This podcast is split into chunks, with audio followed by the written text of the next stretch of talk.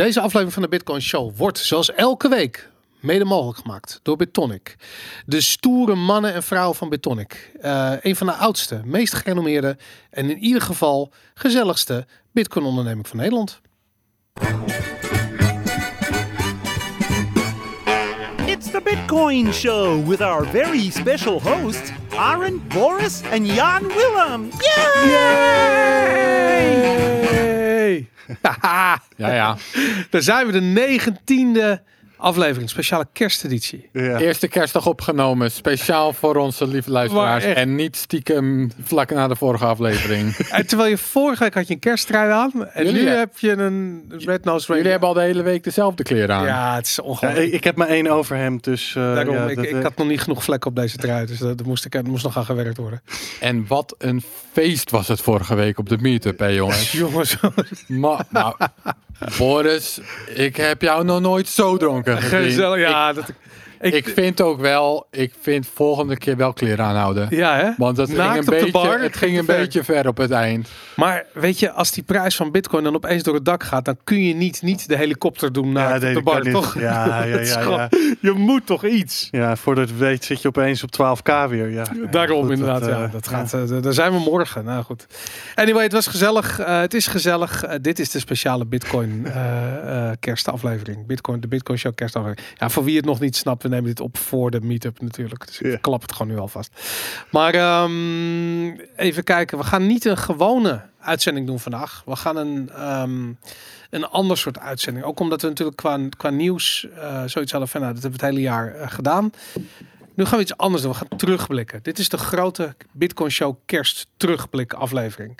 En um, dat lijkt makkelijk zoiets, maar dat is het niet. Want ik moest een lijst maken van vragen, van dingen die we gingen bespreken. Voor ons was het vrij makkelijk, want ja. jij hebt alle vragen bedacht. Je hoeft alleen het document te openen inderdaad. Ja. En um, ik, ik moet je eerlijk zeggen, veel van de antwoorden heb ik nog niet eens over nagedacht. Omdat ik dacht van, hé, hey, maar dit is leuk. En toen ging ik over nadenken. En toen dacht ik van, ja, maar dit en ja, maar dat. En toen dacht ik van, ja, maar eigenlijk zijn al die dingen zijn gewoon gespreksonderwerpen. Ja, is toch goed? Een beetje Daarom. spontaan, toch? Ja, dat vind ik ook, ja. inderdaad. Maar om te beginnen de Bitcoin Show. Wat, um, wat, wat is jullie gevoel over de Bitcoin Show na 19 afleveringen die eigenlijk voorbij vlogen? Uh, mijn gevoel over de Bitcoin Show. Ja, kijk, mijn, mijn uh, idee was, ik uh, vind het leuk om met mensen over Bitcoin te praten. En uh, als ik dat. en als mensen willen, willen meeluisteren, dan vind ik dat ook prima. En tot nu toe bevalt. Tot nu toe is dat wat het is en ik vind het leuk. Ja. En jou, Jan? Ik vind het ook hartstikke leuk. V vinden ja. jullie niet opvallend hoe groot het, het hoe het aansloeg of zo. Hoe het, ik, ik ben een soort van elke dag ben ik stil van die gigantische hoeveelheid berichtjes in onze Telegram groep. Ja, ik kan die... me herinneren dat wij in de zomer bij mij aan de keukentafel zaten en dat ik dacht uh, van iets van uh, nou, als we een paar honderd luisteraars kunnen hebben iedere week, dan ben ik wel zeer tevreden. Ja. Nou, ja, zitten we Duizenden. Ja. ja, daar zitten we ja, flink overheen. Dat, dat vind ik echt opvallend. Ja. En onze 666 uh, leden in, het, uh, in de Bitcoin Telegram uh, groep vind ik echt die, super vet. Het is, ik vind het heel erg tof om een aflevering online te zetten. Dat er bepaalde dingen besproken worden. En dat discussies doorgaan in, um, ja, in vind de Telegram channel. Ik vind ook, ik wil de kennis van de mensen in die groep. Is veel groter dan die van ons. Joh. Dat sowieso. Dat, sowieso dat niet van mij. Maar ik vind het ook heel erg tof hoe, hoe men elkaar helpt of zo. Weet je, vind ik ook heel Bitcoin. Ja, dat vind ik ook wel cool. Ja, ik vind het, dat vind ik ook wel tof. Ja, toch? Dat, ja. Is, uh, dat is super cool. Goed, 19 afleveringen die vlogen voorbij. Wanneer zijn we begonnen? Weet u dat nog? Halverwege augustus of zo? Zoiets dacht Zoiets. ik ook. Ja, dus we doen dit al een half jaar. Augustus al? September? Nee, augustus. Ja, augustus. Ja, halverwege augustus, ja. ja. Ik denk dat we ook augustus mij. begonnen zijn. We kunnen gewoon heel makkelijk kijken wanneer ik ga even kijken. Toen waren we nog, uh, toen was het nog zo warm in de studio. Uh. Ja, was het heel warm. Tweede aflevering. warm. Nou, ik kan me nog herinneren dat we afspraken voordat de eerste aflevering was. Dat was inderdaad bij Jan thuis. En dat ik aankwam rijden en de airconditioning in mijn auto deed het niet. En het was bloed fucking heet. Het was echt. Het was nog wel 40 graden. Ik weet 22 augustus uh, zijn we begonnen. Kijk, nou. Nee, het was echt, het was echt extreem uh, heet. Ja. Maar goed. Wat vonden jullie de leukste aflevering uh, afgelopen 19 aflevering? Je mag niet zeggen Vol deze. Volgens mij is dit de beste aflevering tot nu toe, Boris. dat hebben we ook Dit- wel ook. je, moet toch, je moet toch elke aflevering beter Ja, worden? dat- el- elke elke Maar- keer leer je wat en dan... eh, Maar deze aflevering is natuurlijk nog niet helemaal eh, eh, afgelopen. Maar eh, als je terugkijkt van de, van de eerste 18, als je er daar eentje wat... wat nee, ik verander mijn antwoord niet. Ik laat me niet in een keurslijf duwen dit is hier. gewoon de leukste aflevering. Ja. Ja. Jan, eh, Eh, ik vond er een hele hoop. eh, ik, vond ze, ik vind ze eigenlijk allemaal over het algemeen eh, wel leuk. Ehm, ik vond ehm, de aflevering met Plan B eh, toch wel leuk. Ik vond het ook een leuke gast. Ik bedoel, hij. Weet je, hij heeft iets neergezet en eh, nou, we hebben hem best wel over ondervraagd. Eh, Ja. Ook al, eh, ja, we hebben, we hebben hem zeg maar niet gemakkelijk vanaf laten komen. En ja, dat vond ik gewoon heel leuk en hij pakte dat ook heel goed op. En dat vond ik een leuke aflevering. Ehm, ik vond die aflevering waar jij een hele expositie had over full notes, vond ik ook een leuke aflevering. Vond ik ook een belangrijke aflevering. Ehm, hebben een keer een hele lange discussie over inflatie gehad. Vond ik ook, Ja. een, leuke, vond ik ook een leuke aflevering. in het begin was dat. Toen waren we inderdaad heel erg nog al die, die, die, die, die, die grote issues aan het bespreken. Ja, klopt ja. Ehm, Voordat we vervielen in een ruzie over tetter. Nou, maar dat is, dat je, je, eh, eh, op zich is dat wel een omslagpunt geweest in het, in het idee. Want ik vond die Tether-aflevering was eigenlijk behandelden we dat als een heel groot onderwerp. En natuurlijk is Tether dat ook, maar we deden het nog zoals we inflatie of centrale banken of geld of weet ik veel op die manier. En daarna is, is de, eh, de, eh, ja, hoe zou ik zeggen, de afleveringen zijn wat meer eh, nieuws gedreven geworden, als het ware. klopt ja. En misschien niet eens zozeer bewust hoor, want het, ik heb daar niet per se een idee over of zo, of hoe dat moet zijn. Of zo. Het is een beetje gebeurd. Ja. En ik denk dat ze daar, ja, weet je, ik, ik bedoel, ik, ik zou elke week over inflatie en, en grote macro-thema's willen praten, daar niet van. Eh, maar ik vind het ook heel tof om die di- dingen te behandelen aan de hand van het nieuws wat er langskomt. En dat was de, aflevering, de aflevering 18 hadden we dat ook al, dat bijvoorbeeld de War on Cash eh, eh, iets is wat speelt, waarbij de pinautomaten die dichtgaan en de, weet ik veel, de aanmelden en vijf regelgeving eigenlijk in dat licht gezet wordt van wat is er aan de hand, wat, wat, wat zijn centrale banken aan het doen, wat is dat grotere plaatje. En dat vind ik heel erg tof, omdat dat, ik bedoel, jullie hebben daar eh, bepaalde visie op. Ik vind het Mm. heel erg tof om die, dat van verschillende eh, eh, standpunten te, te belichten. Ja, vind ik echt heel tof.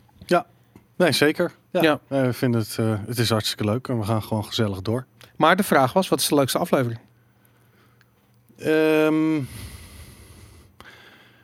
ja, ik heb niet. Ja, dan moet ik me een beetje aansluiten bij Aaron. Ik heb er niet één, één leukste. Eh, nogmaals. ehm, eh, ja, ik misschien. Ja, Maar behalve de aflevering... Wel heel Ja, erg. maar leuk. behalve de afleveringen met gasten, kan je nog precies herinneren welke aflevering wat waarover ging? Of ik bedoel, dat is, wordt ook Mm. allemaal een beetje een roep. Ja, het wordt allemaal een beetje. Of hadden we het allemaal ja. terug moeten kijken? Begin- gisteren? Maar, maar ik moet zeggen, daarom zou ik ook plan B zeggen. Omdat hij, eh, eh, hij heeft in zo'n korte tijd zo'n bekendheid gekregen. En ik vind het super cool, A, dat het een Nederlander is. B, dat hij in Amsterdam eh, eh, is. En C, dat hij gewoon bij ons hier aan tafel staat mee te praten over eh, bitcoin. En eigenlijk een hele En enthousiaste maximalist. Het was gewoon een leuke gast. Ja. Weet je wat? Hij had zoiets van: Nou, kom maar op. Alles wat je wil vragen, vraag maar. En dat, ja, ik vond het gewoon, vond ik gewoon leuk. Ja. ik gezellig. Ik vond ook het perspectief cool wat hij aanbracht. Namelijk dat eh, hoe gaat het in de top van de financiële wereld? Hoe wordt er over bitcoin gesproken? En ja, dat zijn gewoon niet perspectieven die ik elke dag meekrijg. Weet je, ik bedoel, als ik zoiets Mm. lees, dan is dat, weet ik veel. eh, ja, whatever, komt er uit Amerika en of een column of een artikeltje of weet ik veel wat. Of, of een podcast waar je zoiets dan een klein beetje uit moet distilleren. Maar ja, hij is letterlijk dat. Hij, vertegenwoordigt die wereld, maar vertegenwoordigt ook de bitcoin maximalisten in die wereld. En ik vind Ja, het een hele wel heel interessante interessant, positie. Ja. Dat was wel was leuk. Cool, plan B. Ik denk trouwens ook dat dat onze best beluisterde en bekeken aflevering is geweest. eh, De eerste. Dat is wel zeker, toch? Nee, de, Oh, de Genesis eerste. Ja, ja, ik heb de- meer dan plan B nog? Ja, Oh, ik ja? hou al die cijfers een beetje, een beetje bij. De eerste is meer eh, beluisterd nog. Hmm. Oh ja? Ja. Nou, ik ga letterlijk nu kijken, want ik... Nou, je moet, ik heb ook met YouTube erbij eh, geteld, maar het ligt Ja. wel heel close. Ja? Ja, het is wel heel close. Ongelooflijk. Maar ja, dat is goed. Het, Ja, oké. Nou ja, goed, ik geloof je. Ja, ja. Ik moet zeggen, als ik alleen naar de luistercijfers kijk, heeft eh, eh, Plan B het beter gedaan. Is dat zo? Ah, misschien is het nu weer veranderd. Dat kan. Want het, wat mij verbaast is met die luistercijfers dat er nog best wel veel schommelt. Ja. Dat opeens nog heel veel bij komt drie maanden later. Waar ik niet zo 1, 2, 3 verklaring voor heb. Maar En die aflevering op YouTube heeft natuurlijk zwart beeld. Dus het is niet iets wat je, eh, wat je lekker op YouTube even gaat kijken. Je zet het misschien aan. Klopt. En daar kan ik me voorstellen dat dat de YouTube-cijfers... ja, de YouTube-cijfers waren misschien wat minder hoog. Die eerste Ja. aflevering was veel op YouTube. eh, maar goed. Ja, Nou dat ja, geloof ik inderdaad. ja. Goed, ehm, ja, plan B. Dat was denk ik eh, een hoogtepunt. Ehm, Maar je gaat dus de hele aflevering... eh, nou ja, Ik ga jullie dit soort vragen stellen. ja nou, ga maar door. Ik, en jij, jij mag ook een vraag stellen. Nee, maar ik dacht... Nee, ga maar door. Ga maar Ja? door. Gaat het goed. Wat is je Voor mij gaat sentiment- het goed. Wat is je Jan, vind je het ook sentiment? goed gaan? Ik vind het fantastisch. Ja? gaan, Ja? Zijn, zijn jullie klaar voor het sentiment? Wat is jullie sentiment over 2019? Voor Eh, dus voor Bitcoin. Ehm, In de breedst mogelijke zin van het woord. ja, het voelde voor mij toch een beetje als een tussenjaar. Oh ja? Ja, ik vind, Ik vind dat wel een open deur. Dat klinkt alsof ik je eerder heb dat heb horen zeggen. Heb ik dat? Nee, ik denk dat Jan had er er misschien een Ja? keer over. Nee, ik, ik heb niet de indruk dat er echt iets heel spectaculairs is gebeurd. Er zijn ook, eh, dus bijvoorbeeld, we, we hebben geen all-time high of zo gehaald, eh, dus qua prijs. Eh, de prijs is gewoon een beetje omhoog gekrabbeld. En later weer een beetje omlaag. Ehm, eh, ook op technisch vlak is. Er zijn heel veel interessante dingen work in progress. Maar er is relatief weinig wat echt dit jaar uit is gebracht. Meen je niet? Nou ja, bijvoorbeeld Taproot is een work in progress. Stratum V2 is een work in progress. Snor, ja. Weet je wel, no input. eh, Maar ook, eh, ik bedoel, dan heb je het over, over base layer. Maar wat, wat dacht je van de wallets? Of, of de nodes? Of de... Er is zoveel gebeurd afgelopen jaar. Ik zeg niet dat er weinig is gebeurd, alleen ja, ik, nee, ik vind dat ik ja, oh ja, nou dan zijn we het met elkaar oneens. Ik vind, ik bedoel, tuurlijk is er gebeurt altijd wel wat. Maar nou ja, geef eens een voorbeeld dan qua wallets of wat. wat je- Wasabi. Ik vind... Wasabi is vorig jaar uitgebracht. Ja, maar... Dus eh, dat is ook een voorbeeld. Want dat vind ik inderdaad een grote stap. Maar dat was 2018 dat hij uit werd gebracht. Ja, maar- hij is wel heel erg gegroeid in Hij 2018. is ontzettend... Ja, oké, maar dat bedoel ik ook met een tussenjaar. Maar de coinjoins, coinjoins zijn dit jaar gekomen in Wasabi. Nee, vanaf het begin. Vanaf het begin, ja. Zeker weten vanaf het begin? Ja. Ja, dat is het hele doel van die Dat wallet. is- ja. Ja? Ja. Hmm, oké. Nou goed, oké. Dat, eh, dat dan. En dan... dan... Dus er is wel, dus, dus er is groei op dat vlak, of weet je wel, Bech 32 groei, Segwit is weer verder gegroeid. Allemaal interessante dingen, work in progress. Maar het is, ik zou, ik denk niet dat we het later gaan terugkijken over tien jaar van, goh, 2019, dat was toch een interessant jaar voor Bitcoin. Dat, dat, dan denk ik weer terug aan 2013, 2017. Maar dan is 2019 een beetje 2015. Of 2016. Maar dat had zou ik wel wat Ja. beter gevoel over dan 2000. 2015. Maar Oh ja? ja, wel, maar- Ja, nou Ik ja, heb ik zou 2015 zeggen bijvoorbeeld 2015 is nog de block size war echt losgebarsten, zeg maar. En dat hebben, zoiets hebben we dit jaar ook niet gezien. Nee. Dus misschien 2016, ja, ik weet het niet. Ik bedoel, ik, ik vind het niet een spectaculair jaar geweest. Gewoon prima en er is vooruitgang, en, maar niet eh, iets waar we over tien jaar over gaan terugdenken. Nou, ik, heb dat, ik ben het met je eens alleen als het om prijs gaat. Ik vind het qua prijs vind ik het echt een, een niet-zeggend jaar. Weet je, ik bedoel, er, zijn, er is geen uitgesprokenheid in de prijs. En nogmaals, ik, volg het niet op de dag, maar je houdt er toch altijd een beetje bij van wat doet dat dan? En ja, of het nou 7000 of 6000 of 8000, whatever the fuck, het kan mij niet zoveel schelen. Maar ehm, ergens zit je te wachten op de hyper-bitcoinization, altijd in je achterhoofd. En aan de andere kant heb je zoiets van, nou, als het maar niet helemaal in elkaar klapt. En ergens daartussenin beweegt het wel. Maar de, ik, heb het, ik had hetzelfde een beetje in 2015. Weet je, het, het, kwam van een ontzettende piek af. En heeft gewoon heel lang gemodderd. En dat had ik met techniek ja, dit jaar ik wat minder. zou zeggen dat, eh, nou ja, eh, eh, sowieso ten eerste gebeurt er binnen Bitcoin eh, hetzelfde in één jaar, eh, structureel ook in een wat minder jaar, eh, vijf keer zoveel dan Ja. zeg maar in iedere andere industrie. Dus in, in die, dat opzicht is er wel veel gebeurd. Ik ben wel enigszins met, nou, oneens is een beetje gemengd jaar, wat misschien wel een belangrijke gebeurtenis was. Vond ik zelf is dat je natuurlijk in maart en april had je echt een complete totale depressie Ja. in, eh, in Bitcoin.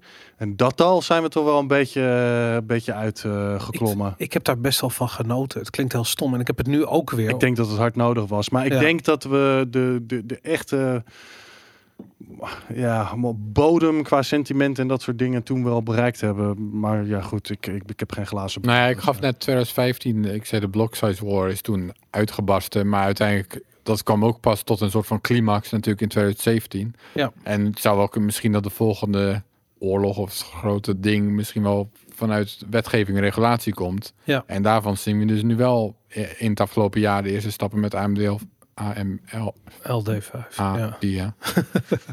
Nou, en, en misschien is dat dat wel. eh, maar goed, dat, is, eh, dan, dat zullen we dan eh, moeten gaan zien. Maar misschien dat dat wel een ding wordt. En dat, dat dat nu wel echt op gang aan het komen is. Dat er een soort van wordt teruggevochten op dat niveau. Ja. Ja. Ja, ik vind dat, wat ik zo interessant vind, als dat gaat gebeuren, dan is dat, dan beweegt zo'n oorlog zich in een, in een soort van domein waar we geen idee hebben van wat er gaat gebeuren. Ik bedoel, stel je voor dat er ehm, dat het echt uit de hand loopt en dat er, eh, weet ik veel, eh, dat, dat je Ross Ulbricht-achtige situaties gaat krijgen met core developers bijvoorbeeld. Weet je, ik bedoel, kun je je voorstellen dat gewoon de hele technologie gecriminaliseerd wordt? En ik, wat betekent dat voor, voor Bitcoin? Dat is, een, dat is iets dat we nog nooit hebben meegemaakt. Ik heb inderdaad.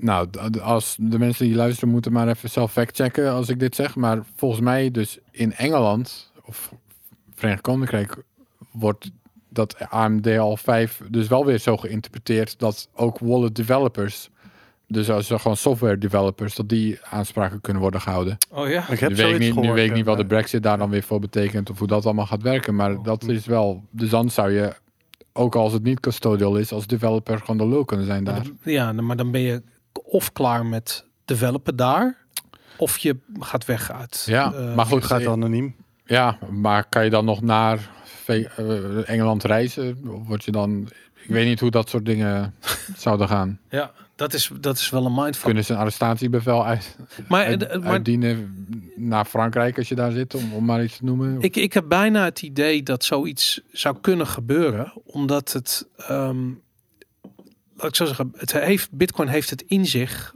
om eh, al dat soort rampen mee te maken. Bitcoin is niet diplomatiek, het is niet politiek, het is gewoon, het gaat, het is een soort stoomwals en alles wat ervoor gaat staan, dat komt in botsing in eerste instantie voordat het wordt platgerold. En dat, daar heb je ook dat- overheden en, en regulatie en regelgeving, dat gaat ook allemaal in botsing komen. Nou ja, dat, wat jij zegt dat bitcoin daar dan overal heen walst, dat is de theorie. Dat, ja, nee, dat valt ik, nog ja. te bezien natuurlijk. Ja. Maar daar is het wel voor bedoeld, of voor ontworpen. Dat zelfs als je het helemaal verbiedt op allerlei manieren, dat het nog steeds kan voortbestaan. Ja, ik heb best wel wat. eh Willem Middelkoop is daar een goed voorbeeld van. Die zei op een gegeven moment van ja, ik ben bullish geworden over Bitcoin op het moment dat duidelijk werd dat overheden het niet gingen bevechten. Eh, en ik heb altijd gehad zoiets van. Hoe kun je dat nu al zeggen? Weet je, dat Mm. is veel te vroeg. Het feit dat eh, eh, die oorlog niet rechtstreeks gevoerd werd, eh, had meer te maken met het feit dat, denk ik, wat Bitcoin gaat worden, nog niet helemaal herkend wordt door overheden en door centrale banken. Maar ik denk dat dat moment dat dat wel gebeurt, steeds dichterbij komt. Hoe zie jij dat, Ja. Jan? Ik bedoel, Eh, nou ja, ik denk dat we al eh, redelijk veel eh conflicten hebben met eh, de overheid. En maar het, zijn, het, zijn, het, het- is een probleem van fundamentele visieverschillen. maar ik denk inderdaad dat, ja goed, de theorie is dan dat eh, bitcoin daar eh, niet aan onder kan gaan. En ik denk ook wel dat dat eh, waar is. Ik, ik denk als overheden, zeg maar, dat echt gaan proberen te doen, te verbieden, dat, dat, dat gaat niet eh, lukken. Ik denk wel dat ze het wat kunnen tegenwerken, maar... uh-huh. Ja, het is ook gewoon totaal niet eh, praktisch of zinvol. Of, eh, ja. Je, wat je krijgt, stel je voor dat de UK dat inderdaad gaat doen en die gaat developers eh, aanpakken. Ik bedoel, code is taal. Je, je hebt het echt over eh, vrijheid, vrijheid van meningsuiting. En het interessante is dat dat ook bijvoorbeeld niet eh, in de UK heb je geen vrijheid van meningsuiting. Dat zit niet in de grondwet, va- grondwet vastgelegd. ze hebben, ze geen, hebben geen grondwet. Oh ja, nou ja, dan zal dat het zijn. dat, dat verklaart het wel. Hmm, interessant. Ah, ze hebben een soort van grondwet, zou je kunnen zeggen. Maar het is niet in één document, eh, laten we het zo zeggen. Ja, maar goed, inderdaad, waar Maar die goed, Amerikanen zich altijd op beroepen, dat hebben de Britten dus niet. Nee, maar wat jij nu zegt, dat is ook wel een beetje vloeibaar. Hè? Dat is allemaal hoe je, hoe- net maar hoe rechters en hoge rechters dat gaan interpreteren. Ja, bedoel, je kunt argumenten maken. Of je daarmee ook echt je zin krijgt, dat is een tweede. dat zijn dingen inderdaad, ja. Goed. Wat, zie, wat gebeurt er in Nederland als je het hebt over die botsing tussen de overheid en bitcoin? Gaan we dat verder zien? Gaan we juist de andere kant op bewegen? Gaan we juist zien dat innovatie eh, herkend wordt of erkend wordt door de overheid? Of juist in 2020 ju- juist toch meer gecriminaliseerd wordt? Eh, ja, zoals het er nu eh, uitziet, vind ik het er niet per se heel positief, positief uitzien. Ik denk toch dat, ehm, ja, weet je, Bitcoin heeft niet een super sterke lobby. En dat is denk ik een, eh, een grote issue als het op dit soort eh, overheidsvraagstukken aankomt. Eh, natuurlijk zijn er wel mensen die zich daar eh, mee bezig houden. Eh, en het is niet dat er niet helemaal geen weerstand is, maar ik denk dat die weerstand niet groot genoeg is. Dus ehm, ja, ik denk en ik denk wel dat je dat soort weerstand meer moet gaan opbouwen. Maar het probleem is natuurlijk dat Bitcoin nog steeds vrij klein is. En voor de meeste mensen ja, interesseren ze ook niet voor de algemene vraagstukken nog genoeg die erachter schuilen over privacy en, en vrijheid en dat soort zaken. Ehm, maar ik denk dat als die wat kan groeien en wat groter kan worden, eh, met ook misschien de juiste mensen die, die daarin gaan stappen in zo'n discussie, ehm, dat het misschien wat de betere kant op eh, zou eh, kunnen, kunnen gaan. Ja. Ehm, ja, ik, ik, ik weet het niet. Ik, ik denk dat AML D5 eh, gaat geïmplementeerd worden, hoe oneerlijk dat ook zou zijn, zoals meneer Hoekstra dat wil. Ja. Ehm, ik hoop het niet, maar ik krijg het vermoeden dat dat misschien wel gaat gebeuren. En ja, dan denk ik niet dat dat per se heel positief is voor Nederland en innovatie. Nee, dat is duidelijk dat dat eh, niet gaat gebeuren. Ik moet je wel zeggen, als je puur naar prijs kijkt en stel dat plan B gelijk gaat krijgen en we inderdaad dat soort, dat soort prijsdoelen gaan halen in de aankomende twee jaar. Ehm, we hadden al volgens mij in die 2017 bullrun waren er 400.000 Nederlanders actief in crypto. Nou, ik heb het idee dat, maar ik zit natuurlijk in een volledig verkeerde bubbel, maar ik heb het idee dat crypto dood is en dat Bitcoin als enige overgebleven eh vehikel eh, eh, voortraast. Ehm, Het gaat wel steeds meer die kant op. daar lijkt het wel op Ja. inderdaad. Ja, dat is goed nieuws. Maar als je de vorige keer 400.000 hebt, dan zou je er zo nu dit keer zomaar een paar miljoen kunnen hebben. Nederlanders die in Bitcoin actief gaan zijn. Dat zou eh, ja, revolutionair anders zijn. En het zou ook Bitcoin heel veel. eh, je zegt er is geen lobby, maar op dat ogenblik, omdat het toch een soort van demo- democratische tool is, zou het eh, best wel politieke ehm, ja, in de politiek opgepakt kunnen worden als een soort anti-geluid tegen de ECB, tegen de bankensector, tegen misschien wel een nieuwe eh, eh, crash die eraan zit te komen. Ehm, ja, dat zou zomaar kunnen gebeuren. Ja, laten we het hopen. Ja. Goed, ehm, even kijken. Ja, ik wil ook niet te veel een vooruit eh, blik eh, afleiding worden. Want ik wil het namelijk ook hebben over die aanstormende crash. Maar daar gaan we het misschien aan het eind nog eventjes over hebben. Ehm, ik wil heel plat. Hoogtepunt in Bitcoin 2019. Aaron. Nou, was iets van 11.000 euro of zo, toch? ja. 14 dacht ik. Eh, oh nee, Oh ja, dat is is dollar. dollar, ja. ja. 11.000 euro. Oké, dat was je hoogtepunt. Jan? Ehm, ja, voor mij moet ik dan toch wel zeggen dat we uit dat echte deprimerende dal zijn geraakt. Ik bedoel, eh, in maart eh, was het eh, sentiment eh, zo extreem. eh in april was het zo extreem laag. En eh, Bitcoin was zijn dode opgeschreven en bla bla bla bla bla. En daar is het toch weer uitgeklommen. Ja, En dat, eh, ja, dat, eh, dat, dat vind ik wel een eh, belangrijk eh. Punt. Ik wil een ander antwoord geven. Ik, vond, eh, ik vind Lightning heeft echt veel eh, vooruitgang Dat gemaakt. Ja. Ja. Ik vond bijvoorbeeld ook die Lightning conferentie waar ik was. Dat was misschien wel mijn persoonlijk soort van de, de hoogtepunt in de zin van ik vond het daar. eh, vond je dat je leukste conferentie? dit ja, jaar? denk ik wel. Ja, dit Ja? jaar wel. In Berlijn, hè, was dat? Ja. Ja. Eh, en eh, je, je, je zag de levendigheid van, van Lightning en het enthousiasme daaromheen en de vooruitgang en eh, waar iedereen mee bezig is. En, en Ja. ja. ik vind Lightning eh, heeft, heeft wel sprongen gemaakt. Of tenminste, dat gaat echt de goede kant op. En dat groeit, de development, developer community groeit. Dat eh Ja. vind ik wel heel positief. Ja, en we zien zelfs, eh, daar hebben we het ook over gehad, over die, die, die, die games die eh, Lightning eh ingebouwd hebben. We hebben twee voorbeelden van gehad Ja. afgelopen jaar. Ja, ik, zeker ik, vet. Ik, ik denk dat dat serieus, dat is- gaat de toekomst van game design worden. Wat is Dus, jouw hoogtepunt voor 2019? ehm, ik vind het heel moeilijk, maar dat... eh, eh, ehm, voor mij, het klinkt heel, het was een aanleiding en het was Pierre Rochard's node launcher. Eh, en Oh ja. niet dat dat nou zo fantastisch, want het was niks anders dan een scriptje die wat, wat, wat programma's installeerde.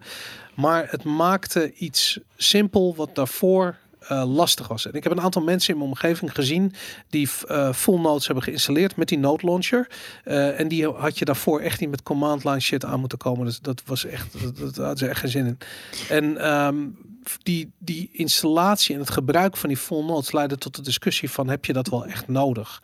En als ik terugkijk, dan was het altijd het narratief dat van ja, als je een hardware wallet hebt, dat is de best mogelijke manier om je bitcoin op te slaan. En ik heb altijd een beetje mijn vraagtekens daarbij gezet. Soort van, Hmm. ik bedoel, het is natuurlijk een prima tool om private keys op te slaan, maar ja, of dat nou de beste tool, het is gewoon een goede tool. Weet je, er zijn andere tools die ook goed zijn. Ehm, en het toffe van die, eh, van die hardware, van, van die nodes eigenlijk, ehm, maakte dat, dat de focus meer kwam te liggen in, het, in, het, in de totaliteit. Van je, je beheert zelf die private keys, je gebruikt zelf die node, economisch gezien ook. Ehm, je, je controleert je transacties. En in navolging daarvan zie ik dus allemaal mensen die beginnen met scriptjes schrijven om hun eigen wallet explorers of blockchain explorers te, eh, te, te, te schrijven. Ze simpele dingetjes, maar wel echt heel vet. En dan denk ik van ja, maar dan ben je echt Bitcoin aan het gebruiken. En ik heb zelf eigenlijk ook zo'n soort eh, traject doorgemaakt. En dat, ja, ik moet je zeggen, dat, ben, dat is mijn hoogtepunt. En dat begon allemaal bij die node launcher van Pierre Rochard. Dat, Oh, eh, cool. nou, Ja. nou, dat is mijn hoogtepunt. Jullie hoogtepunt. Iedere keer moet ik mijn laptop Ja, je eh, moet hem even wakker de- maken. ja. Dat, eh, dat gaat niet altijd even snel. Ehm, ja, na het hoogtepunt komt het dieptepunt. Dit was het Dieptepunt. AML D5 implementatie. Ja? Ja, vind ik wel. Ja, vind ik wel. Ik, Terwijl die eh, officieel is hij al, nee, 20 jaar. Nee, is er nog niet eens door, maar zoals ik zie hoe dat gaat, en eh, dan denk ik ja. En het is niet eens zozeer voor Bitcoin negatief als voor Bitcoin in Nederland. En dat vind ik wel echt een dieptepunt hoe eh, de politiek en de bureaucratie en de centrale banken op dit moment eh, mee, eh, mee omgaat. Maar kijk, als jij, als jij developer bent, dan kun je gewoon developer voor Bitcoin. Het is gewoon die hele eh, on- en off-ramp naar, naar euro's toe. Die business, dat is iets wat lastig wordt. Nee, klopt ja. Maar ik bedoel, hey, we, we zitten met z'n allen in Nederland. We hebben, verdienen allemaal ons brood met eh, Bitcoin. Dus we willen ook graag die innovatie naar Nederland toetrekken. Volgens mij hebben we ook een hele hoop goede mensen hier. Volgens mij zitten we al een hele hoop mensen lang in Bitcoin. Is er heel Ja. veel kennis. En kan dat ook. Maar ja, eigenlijk in de. Nou, inmiddels al heel wat jaren dat ik in Bitcoin zie, heb ik eigenlijk nog nooit een echt een positief signaal gezien vanuit de overheid om eh, innovatie op dit gebied eh, te stimuleren. Maar de- dat- ik, ik, kan, ik kan me er niet op betrappen dat ik ooit eh, denk van, goh, dit is positief geweest. Maar om heel eerlijk te zijn, ik ben best wel een tijd eh, bezig geweest met hoe ondernemerschap in Nederland eruit ziet. En als je gewoon kijkt naar, weet ik veel, de Nelly's Cruise, de Startup Delta. En als je al die shit gaat bekijken, ik bedoel, dat zijn mooie woorden, maar er gebeurt in Nederland echt geen fuck. Als je in Nederland geld nodig hebt voor je start-up, dan het eerste wat je doet is een ticket naar San Francisco kopen. Dat is echt serieus hoe je in Nederland aan je geld Ja, ik zou niet zeggen dat er niks gebeurt. Sterker nog, ik denk dat er wel redelijk eh, wat gebeurt. Maar aan de andere kant wordt er ook een hele hoop lipservice gegeven. Vooral vanuit overheden. Wij, wij, wij hebben geen angel cultuur hier. Dat betekent wij, de, de, het Dat soort klopt, maar hij groeit wel.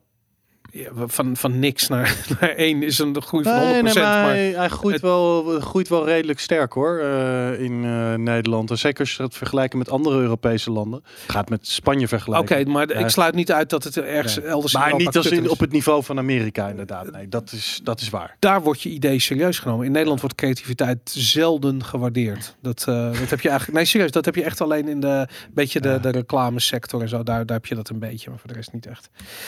Dat, eh, ja, dieptepunten. Aaron, wat is jouw dieptepunt? Eh, ik zou zeggen inflation bug. Al is hij denk Ja. ik, eh, hij, hij is er denk ik al in 2018 in het protocol gekomen. Of misschien zelfs 2017. Maar goed, dit jaar aan het licht gekomen. Jij kijkt alsof je hier nog nooit van hebt gehoord. Jawel, maar ik dacht dat dat niet dit jaar was. Ja, dat was wel dit jaar. Ja? Dat dat allemaal aan het licht kwam. Ja, volgens Was mij dat niet nog een Mike Hearn-achtige... nee, was nee, van dat is- eh Waxwing. Toch? Adam Gibson? Nee, maar eh, Die had dat geïntroduceerd? Ik weet het nee, niet nee, meer. dat was eh met Corello, maar dat maakt verder niet uit. Oh, maar oké. Eh, jij hebt het over eh, Mike Hearn. Maar nogmaals, er is een reviewproces. Dus je kan eigenlijk nooit één iemand de schuld daarvan geven. Snap Maar ik, ja. Nee, dat die, is die ook had zo, inderdaad ja. wel een bug waardoor die hardfork... En dat vanwege die Maar dat is al non-deterministic... heel lang iets- geleden. Dat is heel lang geleden. En, en er was ook in 2010 ooit een inflation bug. Maar, ja, dat, dat nee, maar ik. dit jaar dus ook. Maar Vertel ja. nog eens even wat dat, hoe dat precies zat. Oef, eh, ja, dat is. eh, het was dit jaar, maar eh, mijn geheugen. Ik ga gelijk nee, even dus googelen. eh, de, ehm, je kon dezelfde output meerdere keren in dezelfde transactie zetten. Of zoiets was het volgens mij. Dus op die manier kon je voor inflate, eh, de- kon je binnen een transactie meer bitcoins creëren, doordat dezelfde output er meerdere keren in zat. Ik heb het niet eh, opgezocht voor de aflevering of zo. Ik weet niet meer precies hoe het nou zat. Maar volgens mij was, volgens mij was het zoiets. En, en wat was de, de oplossing? Het, het, het speelde zich, eh, ik bedoel, er moest direct nieuwe, eh, eh, hoe, hoe- even los van hoe het er technisch uitziet, hoe, hoe ontvouwde zich dit? En wat was de reactie erop? Eh, nogmaals, dan moet ik even in mijn geheugen graven. Maar volgens mij, hoe dat dus gaat, hoe, of hoe dat toen in ieder geval ging, is iemand ontdekt die bug. Ik weet niet meer wie dat is geweest. Die later dan. Luke Dash Jr. Heeft die dat ontdekt? Eh, nee, sorry, hij heeft niet ontdekt. Hij heeft er dingen over gepubliceerd. Hm. Sorry, ik was te vroeg. Ja, dus iemand ontdekt dat en ik weet niet meer wie dat was. Oh, was dat niet eh, die Bcash developer? Oh ja, Nu eh, begin ik toch Seche- Seche. Nee, Nee, nu begin ik toch Niet te- eh Seche, eh, nee, het was een Bcash developer, ja. Nu begin ik toch een beetje te twijfelen of het 2019 was. Maar ik zal in ieder geval uitleggen hoe het zat. Iemand had het ontdekt en ik denk dat het een Bcash developer was. Of ik zit nu weer aan een andere bug te denken. Nee, nee, je hebt gelijk volgens mij. Je hebt gelijk. Hij is niet dit jaar. Hij was september 2018. Ja? Ja, Zie je de jaren ik, vloeien ik door heb het er even heen. snel bij gezocht, inderdaad. Het was september eh, 2018 is, dus, eh, eh, is die inflation bug discovered. Oké. Hm, nou, dan ehm, zal ik even goed het verhaal maar afmaken. Ja, doe maar inderdaad. Maar goed, ik weet het dus ook allemaal niet meer precies. Maar iemand ontdekt dat. En ik, dus die Bcash developer eh, waarschijnlijk.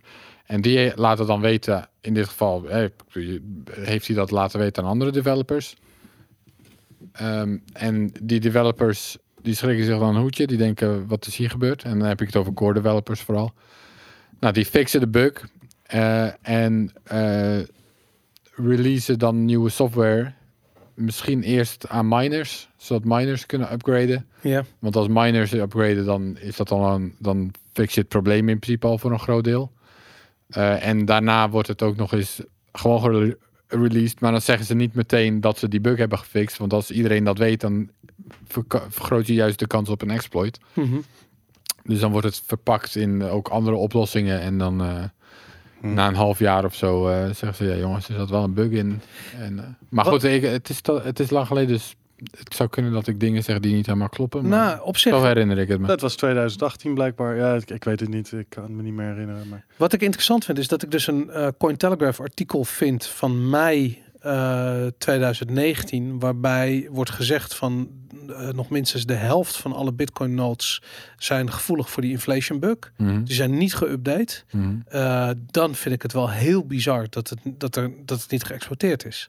Ik bedoel, dat nee, maar als miners, als de ma- majority hash power is geupgrade, dan kan het ook niet meer geëxploit worden. Oh, oké, dat was het. eh, dat was het ding. Dus dan is het daar op dat niveau gefixt ook al. En dan los Ik bedoel, daarvan. nog steeds is het natuurlijk zo dat die nodes niet super veilig zijn, want die, die kunnen aangevallen worden door een hash rate majority. Dus het is nog steeds niet goed voor die nodes dat ze niet geupgrade zijn. Maar in principe, zolang de miners niet, niet, niet op die manier het netwerk aanvallen, kan het ook niet geëxploit worden door iemand anders. Oké, nou mooi. Dat, Oh, en was het ook niet zo dat je... Het was Ik ook heb- maar voor een heb de- bepaalde versie. Want het was ik heb de indruk dat ik verschillende bugs door elkaar aan het ben. het was een van die beacon. nee, je hebt wel gelijk. Maar je, en er is een, er is een dezelfde bug zat ook in Bcash. En toen hebben eh, Bitcoin Core developers hebben eh eh, Bcash development team daarvan op de hoogte gesteld. Nee, voor dat, dat Nee, nee, slaat nee. nergens op. Dan zou die Bcash developer dat zelf zijn ja, die tegengekomen. en die deed dat dan ook developer wel. heeft Core op de hoogte. Maar het is, Was wel, het? het? is Ja. wel zo dat... ehm, hoe heet hij nou ook weer? Zit bij MIT ook. Die is... Emin Gun Sirer, bedoel je die? Nee, die Oh. zit bij Cornell. Oké. Als hij er nog zit. Ja. Weet ik niet zeker. Ehm, Corey Fields. Die had ook een Ja. keer een hele heftige eh, bug bij Bitcoin Cash ontdekt. En, en dat is ook responsibly disclosed. Oké, Dus dat, nice. daar, daar zit je misschien mee in je hoofd. Maar volgens mij om die bug te exploiten moest je ook zelf het blok minen. Of nogmaals, misschien zit ik aan twee verschillende bugs te denken. Het is allemaal een beetje wazig. Oké, nou in ieder geval... dus daar hebben onze eh, luisteraars helemaal niks aan. Nee, inderdaad. Dus, dus dat was eigenlijk een dieptepunt van het, eh, 2018, Ja. eh, volgens mij. Maar goed, dat, het, het echode nog door in ieder geval. Wat was jouw dieptepunt? Dieptepunt, eh, mijn dieptepunt is dat ik weer eens met mijn slechte geheugen word geconfronteerd. Mijn dieptepunt. Ehm, ehm, ik vind het heel erg moeilijk, maar ik, ehm, mijn dieptepunt is dat eh, eigenlijk de, ehm, ja, hoe zal ik het zeggen? De, iets wat ik zelf heel erg heb opgezocht, dat is de gebrek aan nuance in de discussie met shitcoiners. Waarbij ik toch wel merk hoe diep geworteld de, eh, de technische aspecten van cryptocurrency zitten bij mensen. En die mensen weigeren vervolgens te kijken naar de andere aspecten van die bijvoorbeeld bitcoin waarde maken, eh, eh, veel waarde geven. Dus de, weet ik veel, het netwerkeffect, de economische eigenschappen, de, de, de decentralisatie, dat soort shit.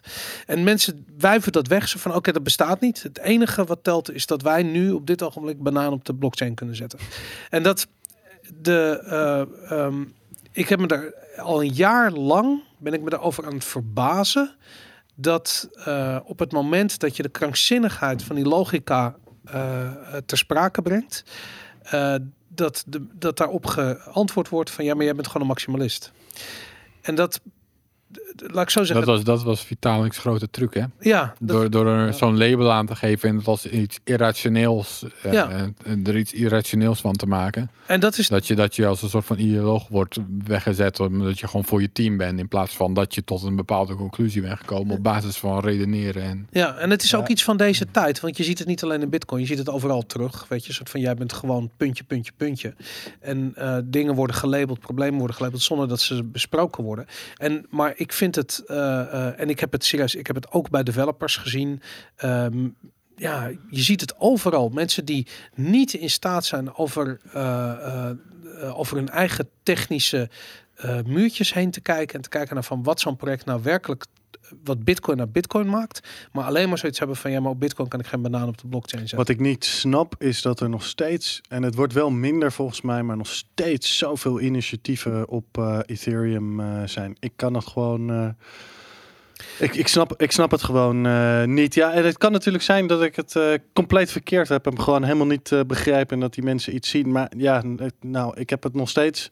Is er niemand die me het heeft kunnen uitleggen waarom dat dan eh, Maar- zo is na al die jaren? Maar het, en het, ik vind voornamelijk dat het, het, doet er niet zoveel toe. Ik bedoel, het is prima dat er initiatieven zijn op Ethereum. Ik vind ook prima dat er, weet ik veel. Ah, mensen zijn doen wat Applicaties, ze willen, ja. maar ik snap het alleen niet. Maar goed, ja. Nee, maar, maar daarom, maar dat, dat mensen niet inzien dat het dat je als jij een, een database applicatie ontwikkelt, die eh, dat dat totaal niet eh, monetaire eigenschappen vanzelfsprekend met zich mee heeft, alleen omdat je het cryptocurrency noemt.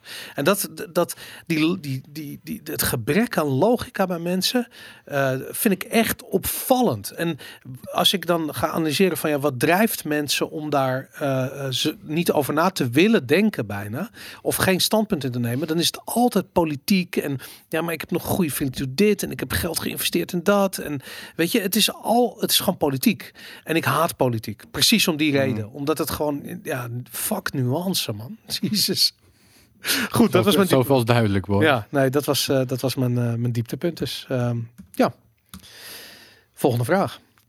Ehm, ik ben benieuwd wat jullie in 2019 het beste mainstream media platform vonden voor Bitcoin. En ik heb, eh, om het wat makkelijker te maken, eh, Nederlandse mainstream media platform. Dus ik, om het makkelijker te maken heb ik eh, vier op een rijtje gezet. die dit jaar veel aandacht hebben besteed aan, aan Bitcoin. Dat is RTL Z, BNR Nieuwsradio, het FD Financieel Dagblad en de Correspondent. En ik ben benieuwd, misschien ben ik er een vergeten. Je zou wat kunnen zeggen voor ehm, eh hoe heet die shit? Eh, BNN, die eh, iets gedaan hebben. Vice heeft nog iets gedaan. Nou, dat Eh, weet ik niet. maar ik Ook vind al het... wel langer geleden volgens mij. Ja, misschien Ja. al wel. Hè? Misschien is dat wel- 2017, Ja, 2018. 2018 misschien. Nou goed, whatever. In ieder geval, eh, als je uit deze zou moeten kiezen, eventjes de, de, de, de, ja, de, de, de vices en zo daar gelaten. Voor mij is de minste in het lijstje het Financieel Dagblad. Ik vind eh, de, veel van de stukken daarin laten echt eh, veel eh, te wensen over. En eh, ik zou eigenlijk wel meer daarvan verwachten. We waren redelijk kritisch op een uitzending van RTL Z een paar weken terug alweer. Maar ik moet zeggen over het algemeen dat ik het redelijk vind. Alleen ja, de stukjes zijn heel kort. Dus je kunt eigenlijk heel weinig diepte krijgen daarin. Mhm. Nou, de correspondent en de BNR krijg je wel meer die diepte. Ik ben het nog steeds met een hele hoop dingen, zien ze naar mijn idee, verkeerd of, of wat dan ook. Maar daar wordt wel eh, ja, veel werk aan besteed en uitgebreid aandacht eh, aan besteed. En eh, over het algemeen ben ik daar mm, po- enigszins positief over. Dus ja, dat, maar ja, de beste, eh, ja, weet niet. Ik, ik lees heel veel uit de mainstream media en ja, dat ik nog bij heel veel artikelen denk van, eh, ja, nee, dit toch niet helemaal. Ja. Ja. Nou? Ja, normaal gesproken eh, draag ik de correspondent nog wel een beetje een warm hart toe. Ik vind Rob Wijnberg vooral wel vrij goed. En eh, zijn visie op media en zo. Mhm. Eh, maar ja, dit jaar, sowieso hadden ze één artikel. eh, Dus voor mij Dimitri ook had dat dan geschreven. Ik weet ze. Oh ja. Waarin hij Greg Wright als de waarschijnlijke bedenker van Bitcoin. Dat is wel beschreef. gerectificeerd, toch? of Niet? Nou, volgens mij dus niet. Wow. Ja, misschien inmiddels, dat weet ik niet. Maar dat, dat werd gepubliceerd. En eh, zelfs ook nog met een verwijzing naar een Wired-artikel. Wat wel gerectificeerd was, Ja, al lang, zeg maar. Ja. Dus dat, en, nou, dat, ja, dan val je echt door de man, zou ik zeggen. Als je dat, dat kon echt niet. Ja. Nou ja, en nu hebben ze dus van de week weer een artikel waar ook wel het een en ander op aan te merken valt, als je het mij vraagt. Dus eh, ja, nee, ik denk, denk uiteindelijk niet de correspondent. eh, Ik vind het wel. Ha- haast helaas, zou ik zeggen. Ja. Ehm, ja, en uit die andere drie, ja, ik weet het niet echt. Ik, ik, Maar de- ik maar weet niet, ik weet niet hoe het financieel dagblad volg ik niet echt. Ben, ik, BNR eh, al helemaal niet. Ik luister vrijwel nooit radio RTL. Ik, Uh-huh. Dan kies ik RTL. RTL. RTL wel, ja. Oké. RTL Z. Gefeliciteerd RTL. Ja, ik ben het met jullie eens dat ik RTL Z de beste vind. En niet zozeer omdat hun eigen mening nou zo goed is. Maar ik heb afgelopen jaar bij RTL Z, ik ben er zelf geweest. eh, en ik mocht daar mijn maximalistische ideeën uitdragen. Ja. Eh, ik heb Willem Middelkoop Ik, ben, daar... ik heb eh, ook nog een, één of twee interviews gedaan dit jaar, volgens mij. Oké. RTL Z. En Ja, volgens mij, ik weet niet zeker, maar is Paul Buiten ook dit jaar geweest. Maar dat zou weet kunnen. ik niet helemaal 100% zeker. Nou goed, ik heb eh, ehm, eh, eh, Willem daar gezien. Ik, ik heb gewoon het idee dat RTL Z. ehm, kijk, je kunt best wel eh, een onderwerp niet snappen. En dan ga je op zoek naar kennis. En ik heb het idee dat RTL Z niet bang is om eh, eh, mensen aan het woord te laten. Nee, met andere niet. ideeën. Nee, ben ik ook mee eens. En bij het. FD, daar voel je de angst. En ik weet het toevallig van binnenuit, omdat wij heel lang, toen ik nog de CryptoCast deed bij BNR, de hoofdredacteur van het FD, die letterlijk een bureau nog geen vijf meter verderop zat, wilden we in die uitzending hebben. En hij weigerde, pertinent. En dat had, eh, ehm, eh, dat had er heel erg mee te maken. Dat ja, FD is gewoon letterlijk de spreekbuis, de mainstream media spreekbuis van de hele sector, van de financiële sector. En eh, blijkbaar hebben ze daar op de redactie bedacht dat Bitcoin een bedreiging is voor die sector. En dat zie je gewoon. Je ziet het en hun artikelen, hun ongeïnformeerde, ongeïnteresseerde eh, tone of voice. Het is zo fucking slecht. Ja, nee, ik ben ook niet heel enthousiast over het FT. Ik weet niet waar het vandaan komt, maar eh, over het algemeen eh, niet echt. Nee, en RTL Z inderdaad, eh, zeker. Ik heb nooit het idee gehad dat bepaalde meningen niet welkom waren. Of hè, dat ook helemaal niet de journalisten daar zichzelf opstelden als van ik weet het allemaal en jullie weten het niet of zo. En het, Ja. Nou, ik vind het wel redelijk goed. Alleen en mijn enige, en dat- dat is ook een van de redenen waarom we hier zitten. Het format laat niet echt heel erg sterk toe om dit soort onderwerpen heel grondig eh, aan te pakken. Ja. Nou hebben ze dat wel een keer gedaan met, eh, ik weet even, het heet het een grote crypto show of zo. Het is Ja, ze hebben jaar van die geleden. online daar heb dingen, Ik, eh, ja. ja, daar is dan wel iets meer uit eh, Uh-huh.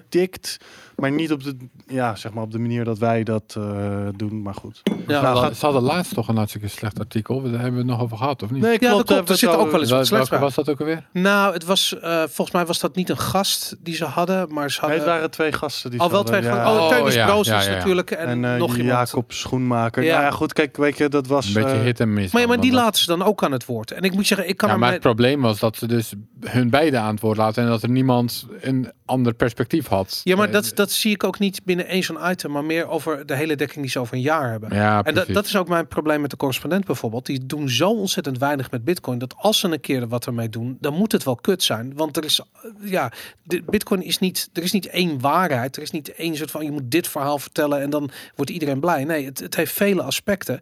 En als je die niet allemaal, eh, tenminste een poging doet om dat eh, te laten zien, dan ben je niet volledig. En dat heb ik, eh, weet je, dan zie je dat, heb je de hele tijd met die, met die, met die Ja. dingen op de correspondent. Heb je bijna het gevoel alsof ze nog een keertje gaan uitleggen wat de Bitcoin ook alweer is. Weet je, ik bedoel, dat is ook een ding als. als Nou ja, maar dat kan ook wel redelijk waardevol eh, zijn. Kijk, we zijn nu met een serie bezig aan artikelen. Ja, ik heb er wat positieve dingen uitgehaald en wat, wat minder positieve dingen tot nog toe. Eh, als die serie af is, kunnen we daar gewoon eens een keer grondig eh, ja. naar, gaan, eh, naar gaan kijken. Maar inderdaad, er was een artikel eerder dit jaar voor Greg Wright. Dat vond ik niet heel, heel sterk. Ja, Dus nou gaat goed. de prijs naar RTL Z? Wat mij betreft wel. Met. BNR op een tweede plaats. Omdat die eigenlijk hetzelfde doen. Ook best wel vaak gewoon mensen uitnodigen met verschillende meningen. En ik denk dat dat uiteindelijk eh, de manier is om het te doen. Eh, en in ieder geval het probleem dat je er ook wel naast kunt zitten. Een beetje kunt opvangen. Omdat je er dan ook wel eens gewoon niet naast zit. Omdat Ja, je gewoon al die verschillende mensen hebt. Ehm, even iets over eh podcasts. Ehm, ik ben benieuwd of jullie al veel podcasts luisterden voorafgaand aan het maken van de Bitcoin Show. Ehm, of dat dat misschien gekomen is nadat jullie dit zijn gaan doen. Jan? Ehm, ja, ik luisterde wel. Ik heb heel lang naar de World Crypto Network eh, natuurlijk wel gekeken. En natuurlijk naar Bitcoin Uncensored. Dat was echt eh, Ja. de gold standard eh, voor mij. Dat is echt de vetste...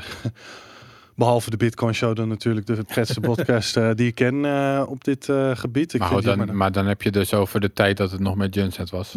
Ja, ja, ja, ja, ja. Ik vind het jammer dat ze toen uit elkaar zijn gegaan. Eh, ik luister naar eh, Tales from the Crypt. Niet altijd of zo, maar wel, eh, wel. En ook wel eens af en toe naar Peter McCormack of Steven Levera. Dus ja, ik luisterde wel redelijk veel naar podcasts. Nu ik er zelf een maak, soms iets minder, maar soms nog wel eens ja, de, de rabbit hole eigenlijk. En af en toe is Peter McCormack of Steven Levera zijn eigenlijk... Ja, en dit jaar de Missing Crypto Queen.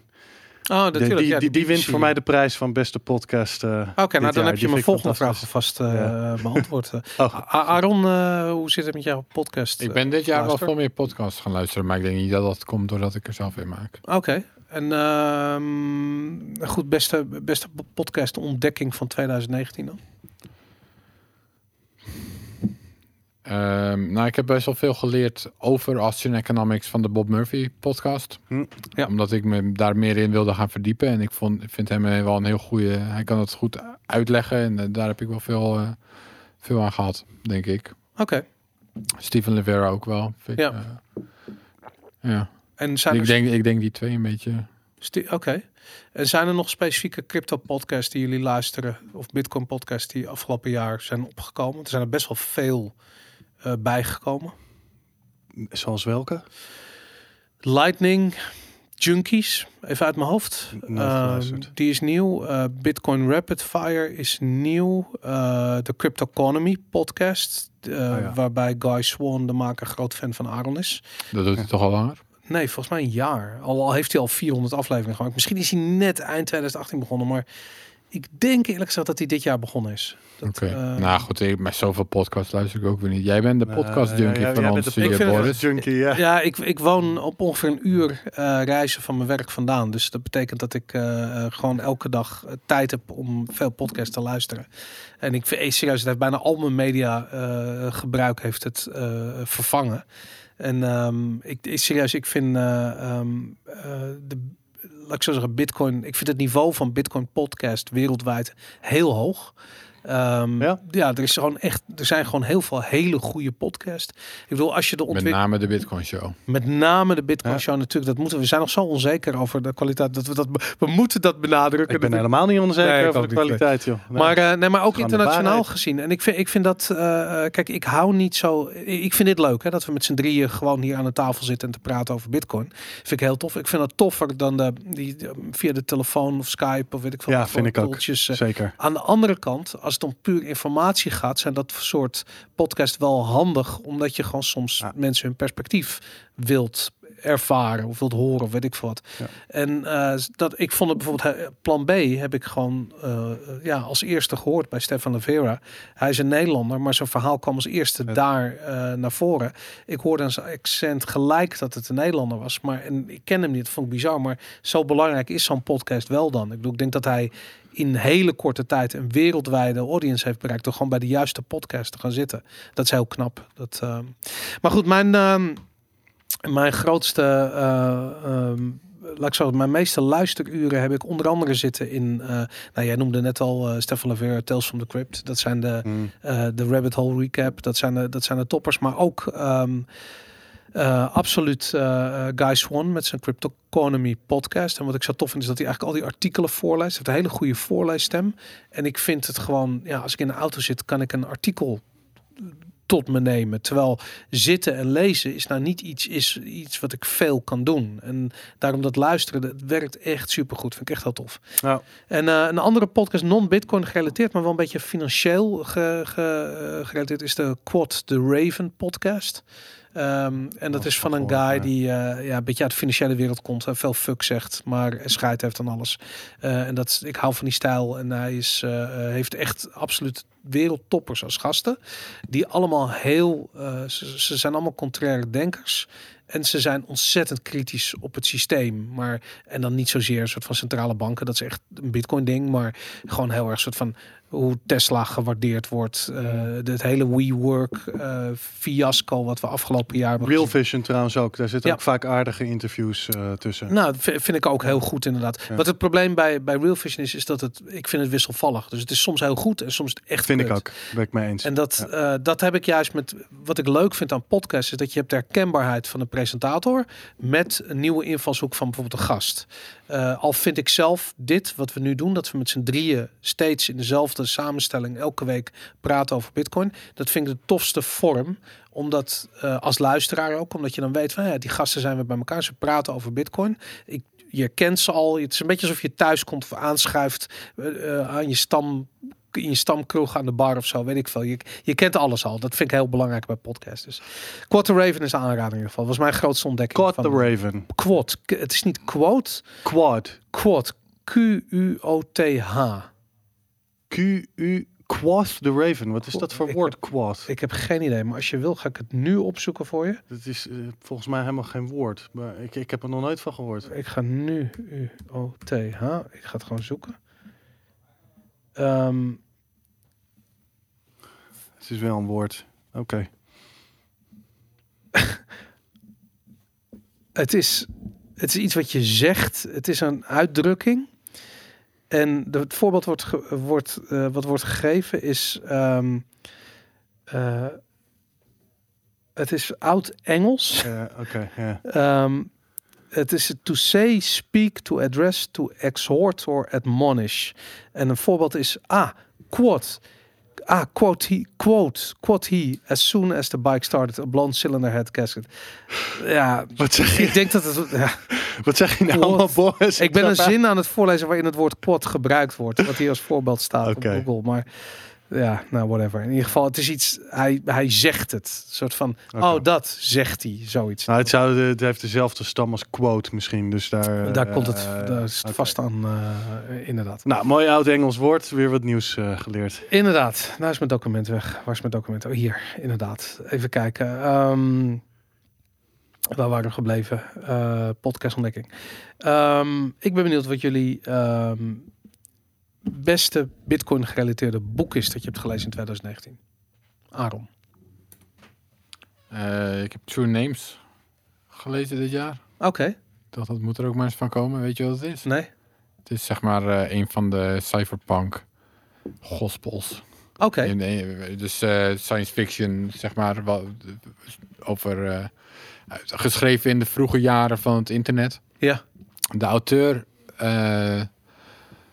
eh, eh, wat was, ik heb een anekdote over, moet ik even nadenken. Dus volgens mij die werkte bij een universiteit of zo op een gegeven moment. Ja. En ehm, daar hadden ze internet heel vroeg. En op een gegeven moment kwam hij op de of intranet of weet je wel, met, het internet bestond zeg maar nog niet, maar daar hadden ze dus iets van internet, Ja. de eerste verbinding of zo. Mhm. En ehm, toen kwam hij op een gegeven moment in een chat of iets en toen kwam hij dus iemand anders tegen eh, in die chat en toen praten ze even en toen verdween hij weer. En toen wist, ze- wist hij niet van de ander wie het nou was. En toen eh, had dat was een soort van zijn inspiratie. En toen heeft hij een boek geschreven over de toekomst van het internet. Waarin het internet uiteindelijk bestaat uit een soort van 3D-wereld waar je gewoon instapt. En waar dan andere mensen zijn die, ook, eh, die daar ook zijn. En waar mensen dus, ehm, hoe noem je dat, eh, avatars hebben. Ja. Dus je bent niet per se wie je bent. Je kunt, een, je kunt anoniem of pseudoniem zijn op dat internet. En nou ja, zo had hij een heel verhaal geschreven over true names. En Mhm. true names, dat staat dus voor je echte naam. Want als Ja. iemand, en als iemand achter je echte, als iemand je echte naam ontdekt, dan word je, dan kan je een doelwit worden. Want dan kan iemand je huis fysiek komen bezoeken. Terwijl, zolang je dat gescheiden weet te houden, dan heb je de- in die hele alternatieve wereld, kun je, nou ja, daar kun je van alles doen. Eh, daar gaat het boek over. En dat is dus een van de, de cyberpunk lore boeken, zeg maar. Een andere grote is Snow Crash. Die wil, die wil ik dan volgend, dit jaar, 2020, gaan lezen. Wat vond je van Oh, er komt ook een HBO-serie over Snow Crash. Oh ja? Oké. Maar ik kan niet echt vertellen wat er over wat eh, Snow Crash. eh, Maar vond je True Names een aanrader? Nou, het is een heel dun boekje. Dus je kan het zo even lezen. In, in die zin is het wel geinig. En het Hm. is. eh, het is. Het is aardig. Ik bedoel, het is wel een visie, zeg maar. Weet je, wel, het internet bestond nog niet eens. Het was een beetje text-based. Het was een net. En als je. Lawnmower Man zit ik Kijk. heel erg aan te denken. Ik weet niet of je die film Ja, ooit gezien hebt. ja, Jaren ja, 90. Cyberpunk shit. Oké, ja, maar goed, kijk naar, weet je, World of Warcraft of zo, waar je inderdaad die avatar bent in een 3D-wereld. Ik bedoel, het is allemaal een beetje anders. Natuurlijk, zo'n visie komt niet volledig uit, maar Ja. er zijn, er zijn, ehm, eh, het is toch een visionair idee dat hij het internet zo groot zag groeien. En, en nou ja, goed, in, inmiddels zitten we dus niet allemaal in een avatar in het internet, maar we hebben wel onze communities op het internet en we doen zoveel op het internet en dat soort dingen voorzag hij wel, zeg maar. Ja. De schrijver heet eh, Vernor, Vernor ja. En wat ik interessant vind is dat je, eh, ik bedoel, het, het wordt inderdaad, ik zie, zit ook, het is een van de eh, grondleggers van het cyberpunk genre. En wij hebben het best wel eens buiten de podcast om gehad over cyberpunk versus cypherpunk.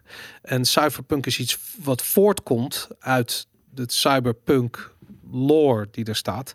En ik ben gefascineerd door hoe die twee dingen elkaar raken. Omdat ook vanuit videogames cyberpunk gewoon een heel belangrijke... eh, ehm, ja, wat wil ik zeggen, een soort, soort, eh, soort, soort genre is. Ehm, en het interessante is dat de hackers die zich bezighielden met internet en met privacy en met communicatie in de jaren tachtig eh, een soort dystopisch toekomstbeeld zagen waar ze een antwoord op moesten verzinnen. En dat dat cyberpunk is. En ik vind dat, dat ja, ik vind dat super cool hoe dat eigenlijk, hoe ik er altijd eigenlijk onderdeel van ben geweest, omdat ik die stijl super tof vind, zonder me te realiseren dat, dat het die, exten die cyberpunk extensie had. Dat vind ik heel tof. Dat, eh, zijn, zijn er meer van die, van, die, van, die, van die overeenkomsten cyberpunk en cyberpunk? Dat weet ik niet zo goed. eh, Oké. Nee, ja, ja, ik bedoel, volgens mij, ik bedoel, uiteindelijk is het een woordgrap, cypherpunk. ja. Ik bedoel, dat, dat was dan een van de... Dat was jij, Jan, of niet? Had ik het daar niet met jou over? Of misschien was het iemand anders. Dus eh, ze zaten op een gegeven moment met die cypherpunk meetup in San Francisco voordat het de cypherpunks heette, want ze hadden die naam dus niet. Dat is Mhm. het punt van mijn verhaal. Ja, Totdat dus de vrouw, volgens mij, van een van die er cypherpunks... was een vrouw die heeft de naam bedacht. Ja, die zei toen voor de grap, jullie you are a bunch of cypherpunks. En Ja, zij dacht was ja, een journa- redelijk bekende journaliste volgens mij op ge- techgebied. Ja, dat, voor mij vertelde jij me dat Ja. inderdaad. Wat grappig. Dat, eh, en wanneer, wanneer is dat geweest? Ja, dat zal dan 92 zijn geweest of zo. 19, ja, ja zoiets, ja. Ja. 93, kijk, weet niet, ergens in die tijd. Nou, het toffe wat ik van, van ja, ik, er komt volgende week, of volgende week, volgend jaar komt er een hele grote eh, cyberpunk game uit. En die schrijver van dat verhaal, die heeft een bordspel gemaakt. Eh, dat heeft hij, ehm, volgens mij 1984 heeft hij dat gemaakt. En hij is ook een van de grondleggers van het cyberpunk genre. Maar het grappige is dat hij de, de, het boek of het verhaal wat bij dat bordspel hoort, eh, als je leest wat daarin staat over bijvoorbeeld digitale cash, over privacy, over de, dat dystopische wereldbeeld, is bijna helemaal uitgekomen. En het interessante is dat het eigenlijk met heel veel, dat is met, met 1984 ook zo gebeurd. Ik bedoel, dat is ook ja, noem je dat? Een soort van, dat werd altijd gezegd van, is het 1984 of zo, weet je, dat boek. En het lijkt er steeds meer en meer de kant op te gaan. En dat, dat is met dit, met dit genre ook, dat hele cyberpunk genre en die dystopische toekomstbeeld. We stevenen daar echt in sneltreinvaart op af. En ik vind dat heel fascinerend, hoe die, die voorspellende uh, kwaliteiten uit zo'n uit zo'n subgenre uh, voortkomen en werkelijkheid schijnen te worden. Want dat is natuurlijk wel wat die cyberpunks aan het doen waren. Die waren juist voor, die proberen iets vast te houden, wat heel belangrijk is voor mensen in een tijdperk waarin mhm. dat dus bedreigd wordt. Maar goed, anyway, ik vind dat uh, fascinerend. Wat is jouw, uh, Jan, wat is jouw, uh, hoe had ik het verwoord? Boek. Ja, beste boek. Beste boek. het, is niet, gaat niet direct over Bitcoin, maar is wel indirect aan gerelateerd. Dus mm nou ja, als je in Bitcoin zit, komt er een hele hoop techniek langs. Dus ik ben continu mijn kennis over techniek aan het verbreden. Mm en dit vond ik een heel goed boek over hoe computers werken. Ja. Uh, en de geschiedenis van het ontstaan van computers. Oké. En dat heet Code, The Hidden Language of Computer Hardware and Software. En het is van Charles Petzold. oorspronkelijk gepubliceerd in 1999. Mm En... Uh, nou ja, volgens mij uh, zijn er wel wat nieuwe editions. Uh, dat weet ik even niet meer uit mijn hoofd. Maar uh, ja, gewoon een heel mooi boek. Echt een aanrader over. Um, ja, de relatie tussen um, computercommunicatie en morsecode en telegraafmachines. En hoe dat verhaal eigenlijk tot stand is gekomen. Ja. en. Um, ja, gewoon uh, voor mij een heel mooi verhaal over waar computers vandaan komen, hoe ze werken. Um, ik zou zeggen dat het. Um, nou, het is niet per se voor leken weggelegd, maar ik denk wel dat mensen die uh, ook wat minder technisch zijn, maar wel geïnteresseerd zijn in techniek, door dat boek uh, kunnen, kunnen heen komen. Het is, het is niet. het is nou, het, het is wel, ja, ik zou het niet super zwaar noemen, maar het is ook niet per se makkelijk uh, of zo. Oké. Er staat vooral info, veel informatie. Is het heel technisch? Ja, dat, dat, ja, nou, ik merk zelf, zelf dat ik vaak dingen niet technisch noem, terwijl andere mensen ze wel heel erg technisch vinden. Uh -huh. Ik zou van dit boek zeggen dat het een beetje technisch is, maar ik denk dat mijn moeder zou zeggen dat het extreem technisch is. Dus ja, okay. trek daaruit je con conclusie. Het is niet zo technisch als. Uh, weet ik veel, dat je de Bitcoin eh, Core op GitHub uh, opent en dat, dat gaat lezen of zo. Dat, uh, niet, niet dat niveau van technisch. Maar Oké, okay, ja. cool. Ja. Tof. Ja. Dat, uh, nou, mijn, um, ik, ik heb niet heel veel boeken gelezen. Ik probeer wel altijd die, die, die Bitcoin boeken te lezen. Little Bitcoin boek nu, maar ook, ik weet niet of jullie Sovereignty Through Mathematics van Knoet van Holm of van Zholm. Ja, wel, ja. Nou, die staat als, als luister, als audioboek ja. staat hij ook op, uh, op de Crypto Economy podcast. Uh, dat vond ik heel erg goed, omdat ik het vind altijd leuk hoe mensen Bitcoin verwoorden. Het is niks nieuws, je leert er niet per se iets van. Het is gewoon meer de, ja, hoe, hoe, hoe wordt het verhaal verteld? Ja, dat is ook dat, de kunst. Dat daarom, en dat, ja. dat, dat, dat, deed hij heel erg goed. Uh, ik heb dit jaar ook voor het eerst... Um, uh, The Sovereign Individual gelezen. Uh, die ook al honderdduizend jaar op mijn lijstje stond. uh, vond ik ook heel vet. Maar mijn beste boek van dit jaar was Programming Bitcoin van Jimmy Song.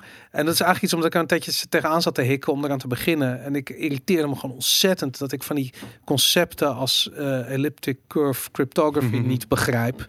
En toen had ik een gesprek over met. Die zei van ja, je kunt het eigenlijk. Het is heel moeilijk om te begrijpen als je niet snapt hoe het werkt. En dat was, dat is, vond ik zo'n mooie zin. Van, als je natuurlijk is het iets moeilijk te begrijpen als je niet snapt hoe het werkt.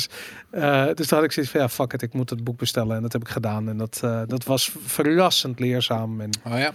Dat, dat vond ik heel erg leuk. Dus dat, dat is eigenlijk het boek waar ik het meeste nou, plezier van volgen. Je bent zelf geen developer of zo, toch? Ik heb dat vroeger wel gedaan. Hmm. maar al, al echt al twintig jaar niet meer. En ik realiseerde me dat ik het, wat, ik, wat ik er toen leuk aan vond, vond ik niet meer leuk, omdat ik gewoon, ja, developen in opdracht is gewoon echt niet leuk. Dat is Ja. echt kut. Maar je eigen dingen maken is wel tof. En ik was dingen in opdracht gaan doen, ik vond het helemaal niet leuk.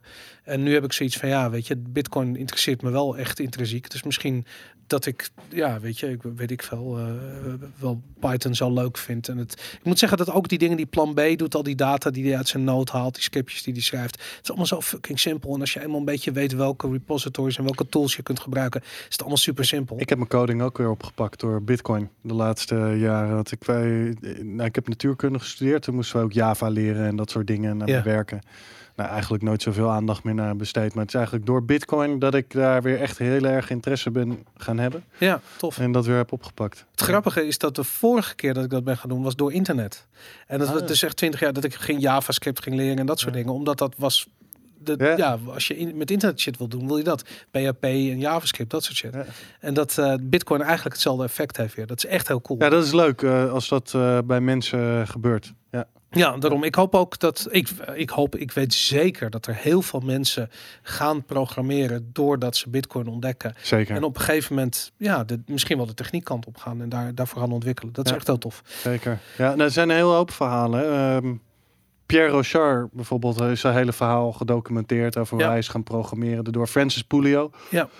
Wist ook niet hoe hij moest programmeren toen hij aan Bitcoin begon. En is ook door Bitcoin gaan leren programmeren. Dus dat is wel heel vet. Ja, nou daarom. Ik, ik ben ook benieuwd als mensen dat eh, meemaken, hoe die, ehm, ja, hoe die, hoe, eh, je hebt een soort aanleiding nodig, weet je. Je hebt, je hebt wat informatie nodig. Je moet een soort project hebben, weet je. En inderdaad, ik bedoel, het communiceren met je eigen noot is denk ik een van Het allereerste doel doet. Ja, daarom. Ja. Dat doel heb je nodig. En dat, eh, maar goed, dat, dat heb je met Bitcoin al vrij snel, want je hebt een aantal, sta weet je, gaat je eerste blok explorer, je eerste, weet ik veel, een soort transactie of een multisig of een script of whatever dat, dat ligt heel voor de hand dat je dat soort dingen gaat doen. En dat is zo ontzettend leerzaam.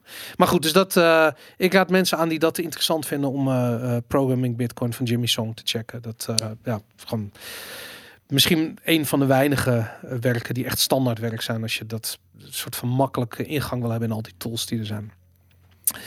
Ehm, beste Bitcoin gerelateerde artikel van 2019. Aaron. Ik zeg een van Alex Gladstein. Ik weet niet precies welke. Pick one. Nee, ik Die- weten welke dan. Ja, weet ik veel, Boris. maar ik, weet- ik iets weet- wat erin stond, wat, wat vind je aan hem zo goed? Ehm, We gaan even voor zitten. ja. ehm, zijn punt is, en daar hebben we het vorige week net ook over gehad. Eh, en dus we gaan sowieso naar een digitale wereld. We gaan sowieso naar een wereld waarin geld digitaal wordt. Of tenminste, zo ziet hij dat. En dan kunnen we dus kiezen, willen we, een weer, willen we in een wereld leven waarin we eh, privacy en, eh, en eh, nou ja, vooral privacy heeft hij denk ik over. Of we dat hebben, of willen we naar een totalitaire wereld waarin dat niet bestaat. Ja. En eh, nou ja, goed. Ik denk dat dat, dat is... ik denk dat hij dat heel goed weet te verwoorden. Ja. En, Heel belangrijk inderdaad. maar goed, het- ik vind het ook een moeilijke vraag. Weet je nog alle artikelen die je hebt gelezen? Ja, er zijn... er zijn Ik weet niet eens meer wat ik gisteren heb gelezen, joh. Oh ja? Ja. Nee, er zijn echt wel een paar artikelen die, die, die, die best wel indruk op me hebben. Ik vind bijvoorbeeld eh, eh, een artikel wat ik echt heel erg goed vond, was uh, Tuur de Meesters, een eh, Bitcoin Reformation. Uh, en dat kwam omdat ik vind het heel erg tof als mensen een onderwerp als Bitcoin in een andere context plaatsen. En dat is eigenlijk. Ja, dat is zeker zo. Ja. Hij, hij schetste een revolutie en de voorwaarden voor een revolutie. En dat, dat vond ik heel erg tof. En hoe water en cryptografie met elkaar overeenkomen. Wat de watergeuzen deden met Ja. water. Dat is wat we vandaag de dag digitaal doen met cryptografie. Vond ik heel erg uh, sens maken. Vond ik tof.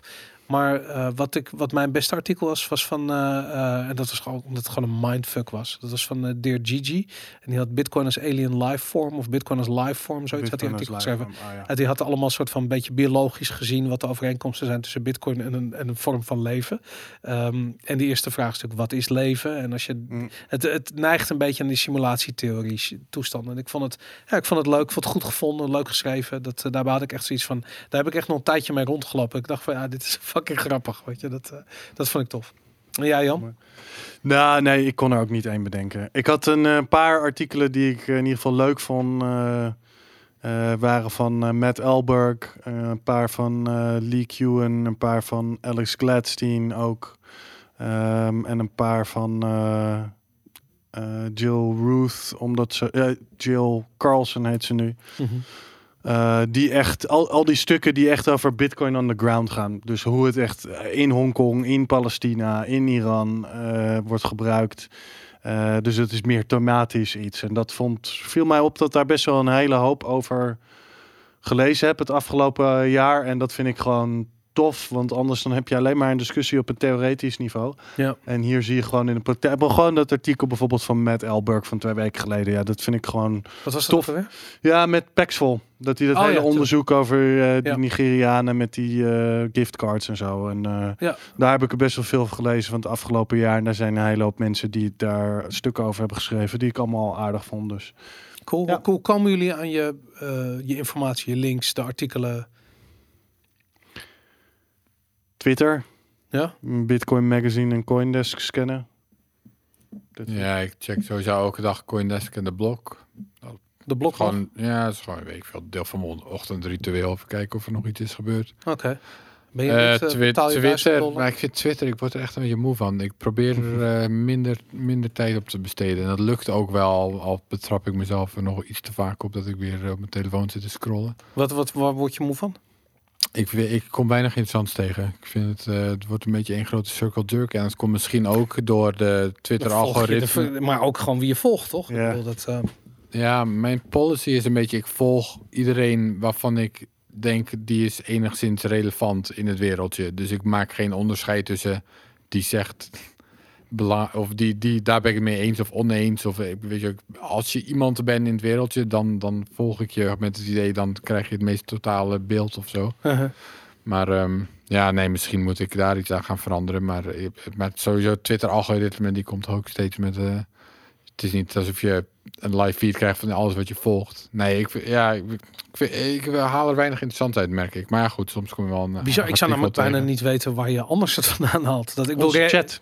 Onze chat worden ook nog wel eens Dat dingen ben ik met gepost. je eens. Ja. Zeker. Ja. Re- Reddit check ik elke dag nog wel. Ja, echt wel. Want dat bedoel ik. Dat, was vroeger, was dat, dat het platform. Terwijl ik vind Reddit nu echt, het is zo dood als een het bijna nooit meer. Nee. komt ook niet heel veel interessants meer voorbij, nee. Weet, een paar andere chats waar ik in zet. ehm, Ja. ja. Hmm, Oké, ja, ik heb voor mij is Twitter eh, echt extreem belangrijk. Maar ik moet je zeggen, dat, ook. Ja, op een gegeven moment ben ik inderdaad mensen die iets zeiden waar ik gewoon soort van niet mee eens was, die mute ik of die unfollowed ik. En wat je dan krijgt is dat je op een gegeven moment, dan heb je op een gegeven moment echt die circle jerk, wat je zegt. Op een gegeven moment ben ik helemaal gek van de hele tijd dezelfde fucking postjes die ik langs Ja, gewoon niet te veel opzitten. Nou, Weet je, limiteren. Je bent met Twitter al gauw geneigd om daar de hele dag op te gaan zitten. Ik doe dat niet meer. Nou, dat doe ik ook niet. Maar Nee. het is meer dat ik me realiseerde van dat ik andere, ik ben een ander soort mensen gaan volgen. En ik, ik, Hmm. ik bedoel, ik, ik heb een aantal passies. Bitcoin is er één van. En als je al die dingen eh, soort van uitspreidt, dan krijg je best wel een, een, een, een hoe noem je dat, een, een gespreid informatieaanbod. Dan werkt Twitter heel goed. Ja. Maar ik realiseer me wel inderdaad heel goed dat dat effect Nee, van. maar ik denk, want ik volg juist best wel divers. Maar ik denk, ik bedoel, ik like niet dingen waar ik het mee oneens ben. Of, ik en- denk dat je dat wel moet doen, want anders gaat Ja, Twitter. precies. En ja. dan krijg je dus het algoritme. Dan wordt het alsnog een circle jerk. En, Ja. Maar als je bijvoorbeeld podcast post liked, zo van oké, de hier is, weet ik veel, de, de, de Bitcoin Show heeft een nieuwe podcast. Van die standaard dingetjes, bij een automatisch gegenereerde. Als je die liked, dan krijg je die wel iedere keer weer, weer langs. Als je ze niet liked, dan heb je geen interactie met platform. Ik heb het met Facebook, ben gestopt met Facebook. En door ermee te stoppen. Daar zit ik ook nooit meer op. Nou, ik ben echt eh, eerst iedereen gaan ontvolgen die er was. En ik merkte dat de berichten die langskwamen steeds minder eh, op mij aansloten. Dus ik merkte gewoon van ja, het algoritme werkt niet meer voor me. En toen ging het ook heel hard, want dan is Facebook opeens echt een heel dom platform geworden. Dus als je het niet gebruikt zoals het hoort te gebruiken, dan is het echt Hm. waardeloos. En dat is met Twitter denk ik net zo. Hm. Maar dat, eh, maar goed. En dingen als Mastodon en zo, is dat nog iets wat jullie gebruiken? ja, ik heb er wel een account, maar daar, ik bedoel, ja, daar zit niemand. Dus dat Ja. schiet ook niet op. Inderdaad. Ik heb, Ik ook een account, daar is alles mee gezegd. Ja. Ik heb er ook al een tijdje niet gekeken. Misschien is het nu veel levendiger dan toen ik ermee begon. Wat denk ik een jaar geleden is. Half jaar, Ik ben ook steeds een jaar geleden en nooit meer naar gekeken, inderdaad. Nee, dat klopt. Goed, ehm, even kijken. Ehm, ik ben benieuwd wat jullie voor Bitcoin het meest ingrijpende, of de meest ingrijpende macro-ontwikkeling van 2019 vonden. Jan. Mm, De war on cash. Ja? Denk het wel. Ja, omdat het eh, in een heel snel tempo nu gaat. En, en wat eh, we, we hebben Dat is mijn gevoel. Maar goed, er wordt wel eens gezegd dat het goed is voor Bitcoin, maar dat is natuurlijk niet zo. Want ik bedoel, de war on cash, dat is ook gewoon de war on Bitcoin. Dat zijn, ik bedoel, het is- echt niet alsof ze dan Bitcoin buiten Nee, de klopt. spot laten. Nee, nee, nee, nee, maar. nee, nee. Maar de, eh, gewoon het macro-thema gerelateerd aan Bitcoin, de war on cash. Dat is, dat is mijn antwoord. Ik zeg niet per se dat het positief is voor Bitcoin. Maar, maar eh, dat is een absolute macro, belangrijke macro-ontwikkeling. Ehm, ja, wat, wat gaan we volgend jaar zien? Nou, ik denk, niet- dat, ik denk dat dat wel blijft eh, doorzetten. Maar gaan we hier ook eh, de... de la- laat ik het zo zeggen. Als we... Ik heb hem net een beetje vermeden. Maar gaan wij in 2020 een grote financiële crisis meemaken? Wat denken jullie? ik, eh, En wat gaat er, wat gaat er met Bitcoin gebeuren als ik, dat ik, gebeurt? ik, ik, ik- er is een kans dat dat gebeurt. Ik zie wel wat signalen die dat aanleiding zouden kunnen geven dat er dingen staan te gebeuren. Maar ik, ik, ik, ik- dat kan ik niet. eh, Nee? Nee. Het is toch niet zo zinnig om, dat, Ja. om daar een voorspelling over te maken. Ik bedoel, de- welk jaar het precies gaat gebeuren, Nou dat ja, weet je nooit, toch? Maar, maar kijk, het, wat ik zie gebeuren is dat eh, de quantitative easing wordt er aangeslingerd. Dus de geldpersen gaan aan. En ik denk eerlijk gezegd dat het effect daarvan gaat zijn dat we dus niet een crisis gaan krijgen, maar dat we gewoon, er wordt zo ontzettend, wat er ook gaat gebeuren, ze, ze, ze, ze gaan die, die geldpersen gaan vol aan. En daarmee ga je gewoon ontzettend veel gaten vullen. En wat we gaan zien is dat die, de, eh, hoe heet het, die, die eh, eh, eh, de aandelenbeurzen gaan omhoog, de, huizenprijzen gaan nog verder omhoog. Het, gaat allemaal, die bubbel wordt gewoon opgepompt. In ieder geval totdat Trump eh, herkozen wordt. Want hij gaat gewoon die, die, die eh, hoe heet die kerel, eh, of die chick. Jesse eh, Powell. ja, of die, die gaat zo onder druk gezet worden dat, ehm, eh, dat, dat, dat die gaat echt niet stoppen daarmee. Ehm, en dat not QE, dat is denk ik daarom in mijn ogen de grootste macro-economische ontwikkeling. Oké. eh, dat, de, ja, ik, ik, zie dat, ik zie dat eigenlijk niet anders uitpakken. Want ik kan me niet voorstellen hoe er een crisis kan ontstaan in een wereld waarin er te veel geld is. Behalve een vertrouwenscrisis. En die vertrouwenscrisis daarvan. nou ja, ik die eh, uit de hand loopt. ja, maar dat kan. Maar, maar ik bedoel, dat, dat, dat is eigenlijk een vertrouwenscrisis. En ik zie dat om me heen nog niet. Weet je, ik zie mensen niet denken van. Nou ja, de, Nou, kijk, er misschien- zijn wel signalen, maar het zijn allemaal gemengde signalen. Ik bedoel, je hebt de, de PMI van eh, Duitsland is Ja. eh, consistent al tijden eh, Wat is PMI? Voor mensen die het niet weten. De uh, manufact de Purchasing Manufacturing Index. zoek dat thuis even op. Misschien dat ik. Zeg ik dat nou goed? Purchasers, Purchasers Manufacturing Index. Het is een soort van indicatie van industriële productiviteit. Ja. En eh, daar zie je toch wel ja, signalen, zeg maar. Ehm, in China, maar daar is natuurlijk niet altijd even, evenveel duidelijkheid over. Maar daar zie je ook eh, bepaalde signalen. Eh, banken die eh, over de kop gaan, eh bail-outs in een hoger tempo. Net dan eentje hè? voorheen. Ja, klopt. Ehm, een minder groei, die in de werkelijkheid waarschijnlijk veel minder is dan men Ja. dan de officiële cijfers zouden weergeven. Ehm, huizenprijzen in hoge real estate markets, wat vaak een indicator is voor recessies, die eh, ja, zeg maar in echte luxury markets. Eh, de Hamptons, eh, New York, eh, San Francisco, LA, Londen. Ook nu in Amsterdam wel wat aan een beetje aan stabiel en een klein beetje ook aan het afvlakken is volgens mij. Um, dus ja, er zijn wel signalen. Aan de andere kant zijn er ook signalen dat zijn er ook wel positievere signalen. Ik bedoel, um, ja, wat zijn de positieve signalen? Nou, dan moet ik even nadenken. Volgens mij zijn die er niet. Maar um, China uh, pikken nu de cijfers volgens mij weer wat op van de industriële productie. Als ik me goed kan herinneren. Uh, Amerika gaat volgens mij ook wel uh, ja, redelijk je, goed. Van dus die werkloosheidscijfers zijn oké, okay, maar dat, ik geloof die cijfers gewoon voor geen meter. Dat zit zo raar in elkaar. Ik bedoel dat. Uh... Nou, het zit niet. Ja, het zit niet helemaal absurd in elkaar. Het is alleen. Het geeft wel een bepaald beeld waar je niet alles uit kan afleiden. Ja. Ja. Nou, oké. Okay. Dus, uh... Aaron, wat is jouw uh, belangrijkste macro-ontwikkeling van? Nee, ik sluit me bij jou aan. Boris. Ja? Ik, ik denk ook non not QE. Not QE. Dat is, eh, dat is wel een teken aan de wand. Dat het gewoon dat dat, de oplossing is. En, Ja. en eh, op die manier kan je inderdaad nog een tijdje blijven doormodderen. En, en ondertussen is Bitcoin er voor mensen die daar geen zin meer in hebben. Maar ik vind dat namelijk, ik denk namelijk dat ook dat dat voor Bitcoin het beste scenario is. Hè? Want ik denk dat als, eh, kijk, als die inflatie, als die bubbel gewoon opgepompt wordt en die inflatie neemt toe, dat mensen op een gegeven moment zoiets hebben van ja, maar wacht eens eventjes, dit, dit gaat allemaal erg hard. Dan gaan ze om zich heen kijken en dan kijken ze misschien naar goud en inderdaad naar Bitcoin en dat, dat is goed voor Bitcoin. Als de boel morgen in elkaar klapt eh, en Dat is niet per se goed voor Bitcoin. dat is niet goed voor Bitcoin. Nee, als mensen hun baan kwijtraken, die gaan, dan, gaan, dan gaan ze geen Bitcoin kopen. Weet je, dat, Nee. dat is gewoon echt, eh, eh, nee, dat is gewoon heel slecht. En eh, sterker nog, de vraag naar liquiditeit zal dan zo toenemen dat Bitcoin gedumpt gaat worden. Dus Bitcoin gaat in eerste instantie, net als met goud in 2008 volgens mij, in eerste instantie flinke dip doormaken. Als dat gebeurt. Ehm, ja, goed, het zijn allemaal natuurlijk een soort van scenario's gebaseerd op 2008. Maar eh, Bitcoin heeft nog nooit een grote crisis meegemaakt.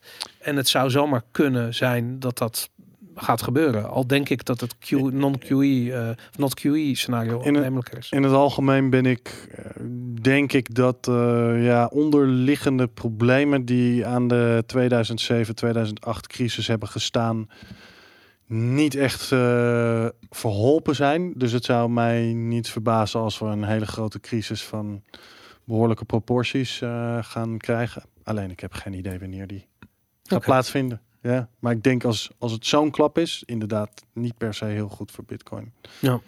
Maar goed. Oké, ehm, even iets anders. De beste wallet op dit ogenblik. Aaron. Bitcoin Core. Bitcoin Core. Ja, Met veilig. geïntegreerde full node. Nou, dat is een Dit is een full node. ja. Ik sluit me aan bij Aaron. Bitcoin Core. Ja? Ja, ik sluit me aan. Ik, Ja, wasabi vind ik ook goed hoor. ja, ik, ik ik, ben ik, ik, ben voor Wasabi. Ik vind dat Wasabi één ding beter doet dan Bitcoin Core. En ik moet zeggen, ik ben niet zo heel erg thuis in Bitcoin Core. Ehm, eh, Wasabi heeft nu ook zijn eh, eigen node, tenminste. Het runt gewoon Bitcoin Core. Eh, maar wat ik tof vind aan Wasabi is het labelen van transacties. En wat het even in het begin had ik zoiets van lekker, lekker belangrijk. Weet je dat je een transactie labelt. Maar wat ik heel tof vind eraan, wat je nu ziet, is dat je bijvoorbeeld, eh, weet ik van, misschien gebruik je een adres voor iets doms en weet je niet meer dat je dat had. Ik, bijvoorbeeld, ik heb een keertje een, een, een- op een gaming PC heb ik een paar Satoshi gemined bijvoorbeeld. En op die online pool had, moest ik een, een walletadres invullen en dat heb ik dan een, gelabeld Wasabi adres bij wijze van spreken had ik daarvoor gebruikt.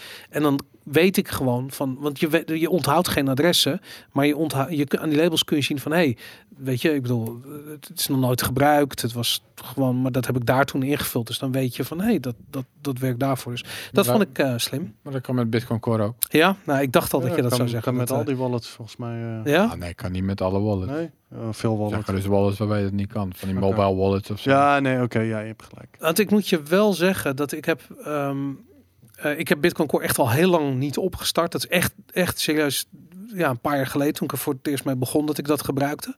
Eh, want ik vind de eh, UX-design van Wasabi nou niet bepaald eh, logisch of begrijpelijk. Dat, ja, dat voelt Dat echt- is Wasabi niet of Bitcoin Core? Wasabi, ja, Oh, nee. Bitcoin Core weet ik niet. Hoe is dat bij Bitcoin Core? Ja, Nou, ik, goed genoeg voor mij. ik vind hem heel logisch. maar Nou ja, soms Ja. als je gaat voor iets geavanceerdere dingetjes wil doen, dan moet je in de command line. command line gaan zitten kloten. Daar ben ik dan weer niet van. Ja, Maar ik, ja, nee, op zich, eh, het doet wat het moet doen. moet je een Bitcoin Core wallet, als je die wil koppelen aan je eigen noot, en je eigen noot is niet dezelfde eh, machine waar je eh, je wallet op draait, eh, kan dat?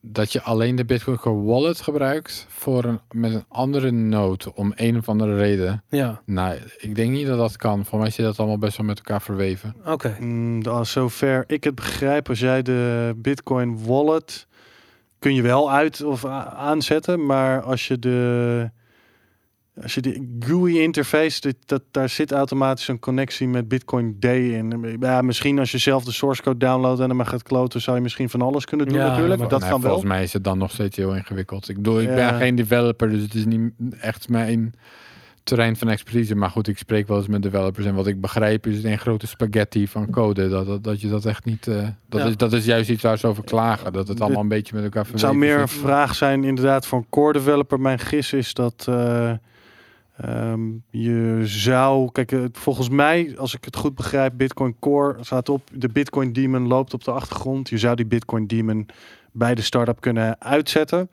En dan heb je volgens mij een wallet. Hoe ingewikkeld dat is, dat weet ik. Ik denk niet dat dat kan. Nee, ik denk ook Nee? niet dat kan. Ja, Nee, ik- want hij moet een nood gebruiken. En als dat niet geconfigureerd is dat het een externe nood kan zijn, dan eh, heeft hij geen nood. Dus. Maar goed, oké. eh, en dan nog een vraag, want ik ben namelijk ook... eh, ehm, ik ben heel erg gecharmeerd van multisig. Dat, dat vind ik geweldig. Maar ik vind eigenlijk alleen Electrum enigszins werkbaar daarmee. Ehm, of je moet command line dingen gaan doen zelf. Maar ehm, hoe, hoe groot achten jullie de kans dat we gewoon fatsoenlijke multisig integratie gaan krijgen in andere wallets dan alleen Electrum?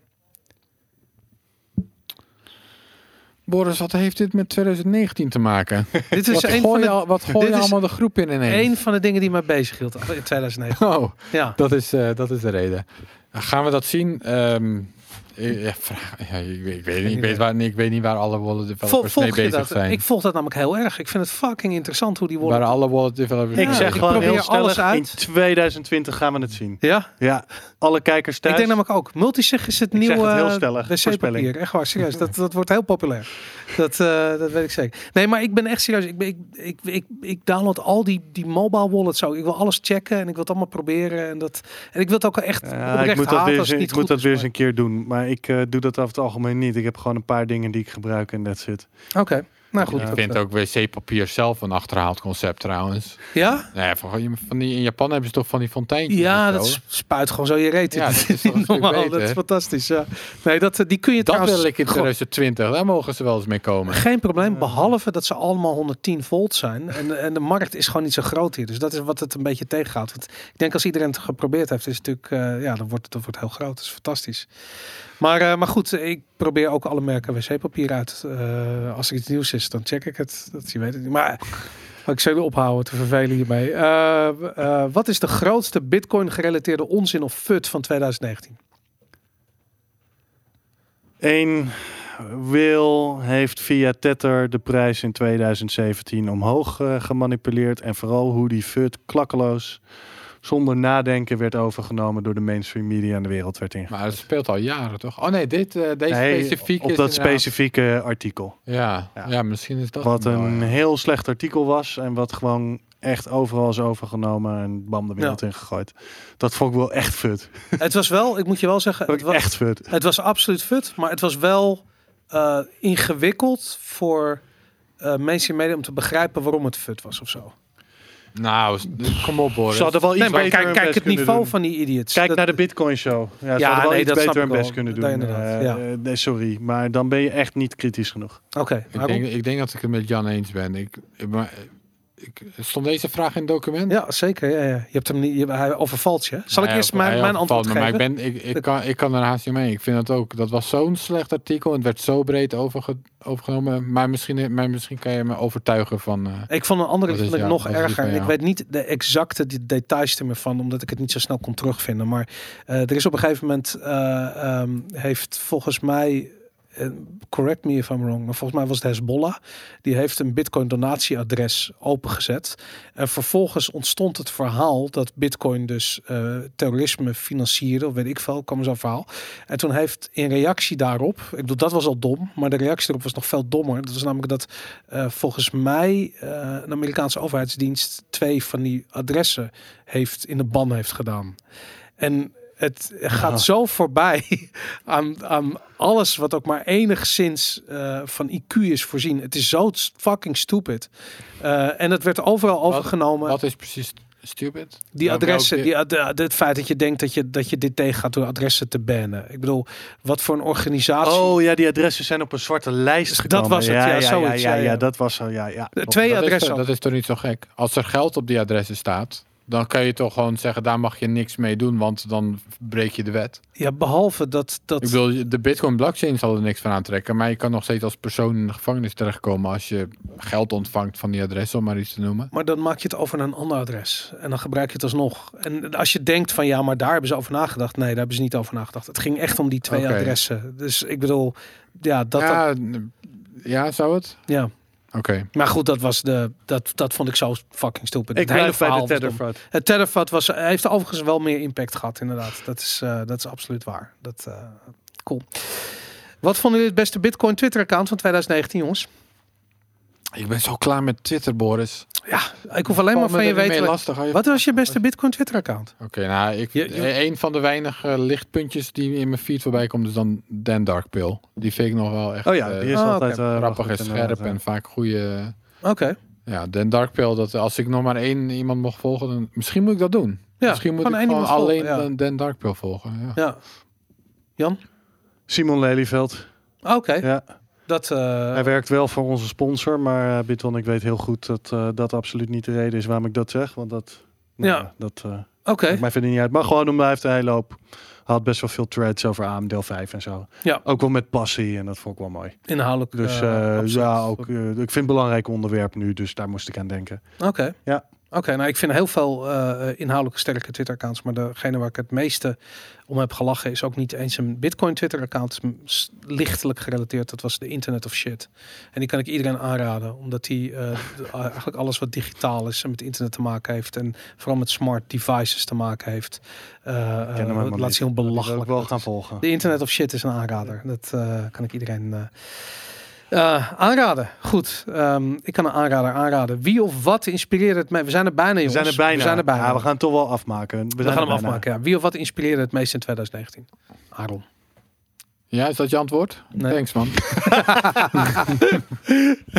Ik sluit me aan bij Boris. Dat was, eh, Aaron, ja. Aaron inspireerde wel, moet ik zeggen. Ja. Geweldig. Ja. Was dat hem? Nu moet ik nog een antwoord Ja. geven. Dus wie of wat inspireerde mij het meest? Stonden al deze dingen in het document? Wat een document.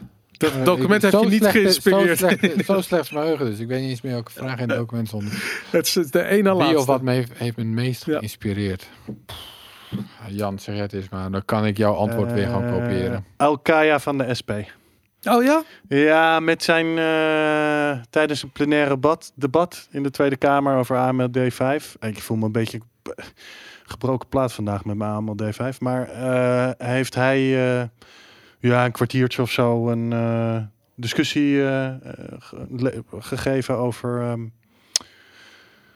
over het wetsvoorstel. Mhm. En ik vond dat het misschien dat ik het niet. Het leuke is dat ik ja, ideologisch voor mijn gevoel echt helemaal op zowat aan de andere kant van meneer Alkaya staat. Maar ik vond het. Ja, ik vond het gewoon geheel gebalanceerd.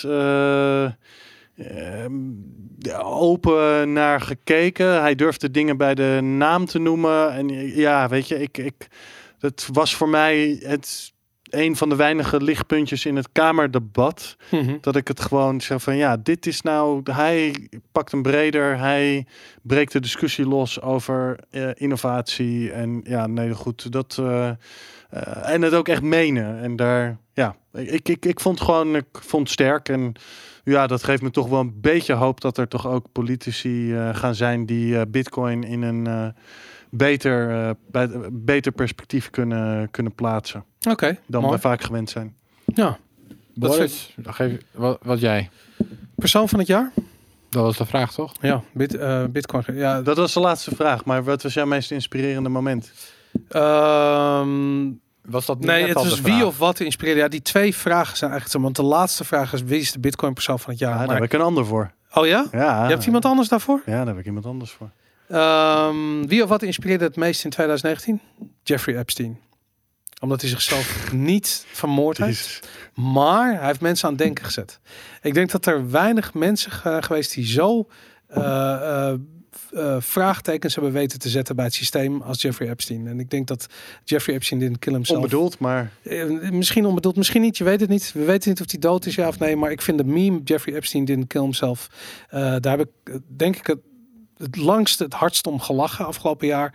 Ik vond hem ijzersterk. En er zit zoveel in, namelijk. Er zit namelijk echt in van... Luister jongens, shit is niet... Neem nou maar die rode pil, weet je. Shit is anders dan je denkt dat hij is. En vind ik tof. Mooi. Bitcoin persoon van het jaar? Jan, je hebt hem al. Uh, Kelly Loeffler. Wie is dat? CEO van BACT. Oké. Okay. Inmiddels nu ook uh, senator van uh, Georgia. Oké. Okay.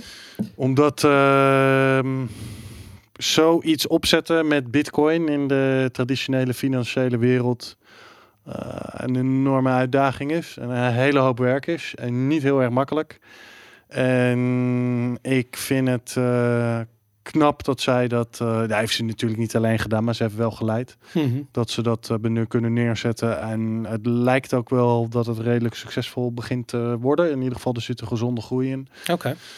Ja, dus dat vind ik wel een, eh, een knappe prestatie. En eh, nogmaals, ehm, ik zie ook wel de waarde in van gereguleerde futures en opties en dat soort eh, zaken. Dus toch in een zekere zin ook wel een bijdrage, denk ik, geleverd aan, aan het Bitcoin-ecosysteem en infrastructuur. Cool. Dus dat, ja, dat was mijn persoon van het jaar. Nice. Aaron? Jack is wel lekker bezig, zou ik Hmm. zeggen. Ook, eh, ook sinds dit jaar vooral, eh, dat, dat hij daarmee meer... eh, Jack. Dorsey. Ja. Jack Dorsey, ja. Dus eh, onder andere met die nieuwe start-up eh, Square Crypto, waarmee ze gewoon geld geven aan Bitcoin developers om eh, mooie dingen te bouwen. Ja. En donaties doen aan, aan, aan projecten waar ze niet eens zelf aan werken. Dat vind ik tof. Alex Gladstein heb ik al genoemd. Voor 2019 denk ik niemand van gehoord, maar nu toch wel een van de Ja. Thought leaders. Ik vind dat zo'n mooi woord. hè, Thought leaders, Thought leaders. Het is echt scheldwoord is dat. Maar ja. Vooral als je het zelf zo noemt. Ja. Ja. Maar- Maar goed, we ergens klet zien. eh, Ja. eh, ik, vind, ehm, ik vind tof dat eh, Wasabi zo is gegroeid. Ja. Dus eh, Adam Fiscoor doet eh, goed werk, weet je wel. Dat is ook een beetje... Al jaren roept iedereen dat er, dat er eens een keer goede privacy moet komen. Of dat dat, dat, dat, dat, dat een groot probleem is. jammer van En een uiteindelijk- moddersmijterij met Samurai. Ja, dat is jammer dat daar... eh, dat, dat, eh, dat is jammer inderdaad. Maar goed, ik vind... eh, op een gegeven moment heeft hij dat op zich genomen en allerlei onderzoek gedaan en die wallet gebouwd. En nu eh, is die, die wallet groeit als een tierenlier. Ja. Ja. Dus eh, dat, eh, ja, petje af ook daar wel voor. Ja. En Novak met zijn cold card wallet. Oh ja, Afgelopen jaar toch best. Misschien bestaat hij al langer, weet ik eigenlijk niet.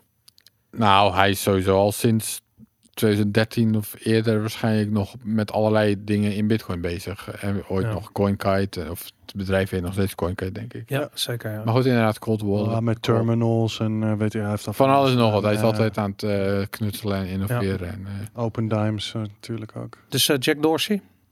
mag ik er maar één? Ja. Ehm, eh, wie was... Ja, Oké, dan zeg ik Jack Dorsey wel. Ja, ik ben met je eens. Ik had ook Jack Dorsey. Gewoon omdat hij is zo large. Hij is een van de enige Silicon Valley eh, miljardairs die openlijk maximalist is. Terwijl ik zeker weet dat er meer zijn, maar niet ervoor uitkomen. En hij doet het gewoon goed. Het is wat hij doet, Square Crypto. En Ja, en eh, Ja. Lightning Labs. daarom, in- dat ook, daar heeft hij geïnvesteerd. Ja. ja. En hij betaalt ook een één of twee zelfs core developers, dacht ik. Eh, Nu gaat hij met Afrika dus weer aan de Ja. slag op een of andere manier. hij doet het allemaal goed. Ja, hij is heel Ja. goed bezig. Nou jongens, Zijn we er doorheen? dat we was doorheen. eh Er 2019. waren best wel veel vragen waren veel uiteindelijk. vragen. Uiteindelijk, hè, terwijl ik dacht dat we te weinig hadden, maar we zijn anderhalf uur bezig. Ehm, Wij zijn 8 januari weer terug. Ja, want volgende week hebben we even geen de Bitcoin Show. Dan, nou, dan gaan we... deze aflevering publiceren. Nee hoor, Nee. Oh ja. Oh, ja. nou, dan die staat namelijk nu online. Nou, dus als iemand, nu naar als iemand het nog niet had begrepen, dan begrijpen ze het nu helemaal. Nee, maar ook niet wat je zegt. Ja, Nee, nee, op, Al, als je naar luistert, dan is het dus voor jou niet volgende week, ja. Jan. Oh ja. ja. daarom. Dus volgende week, als je hier naar luistert, is er geen Bitcoin Show. Op 1 januari komt er geen de Bitcoin Show. Die slaan we eventjes over. Dan hebben we katers en dan eh, ehm, ja, kunnen we even niet de Bitcoin Show opnemen. Maar 8 januari komen we dus inderdaad Zijn we weer terug? keihard terug. Snoeihard. Ik heb er nu al zin in. Strong hand, everybody!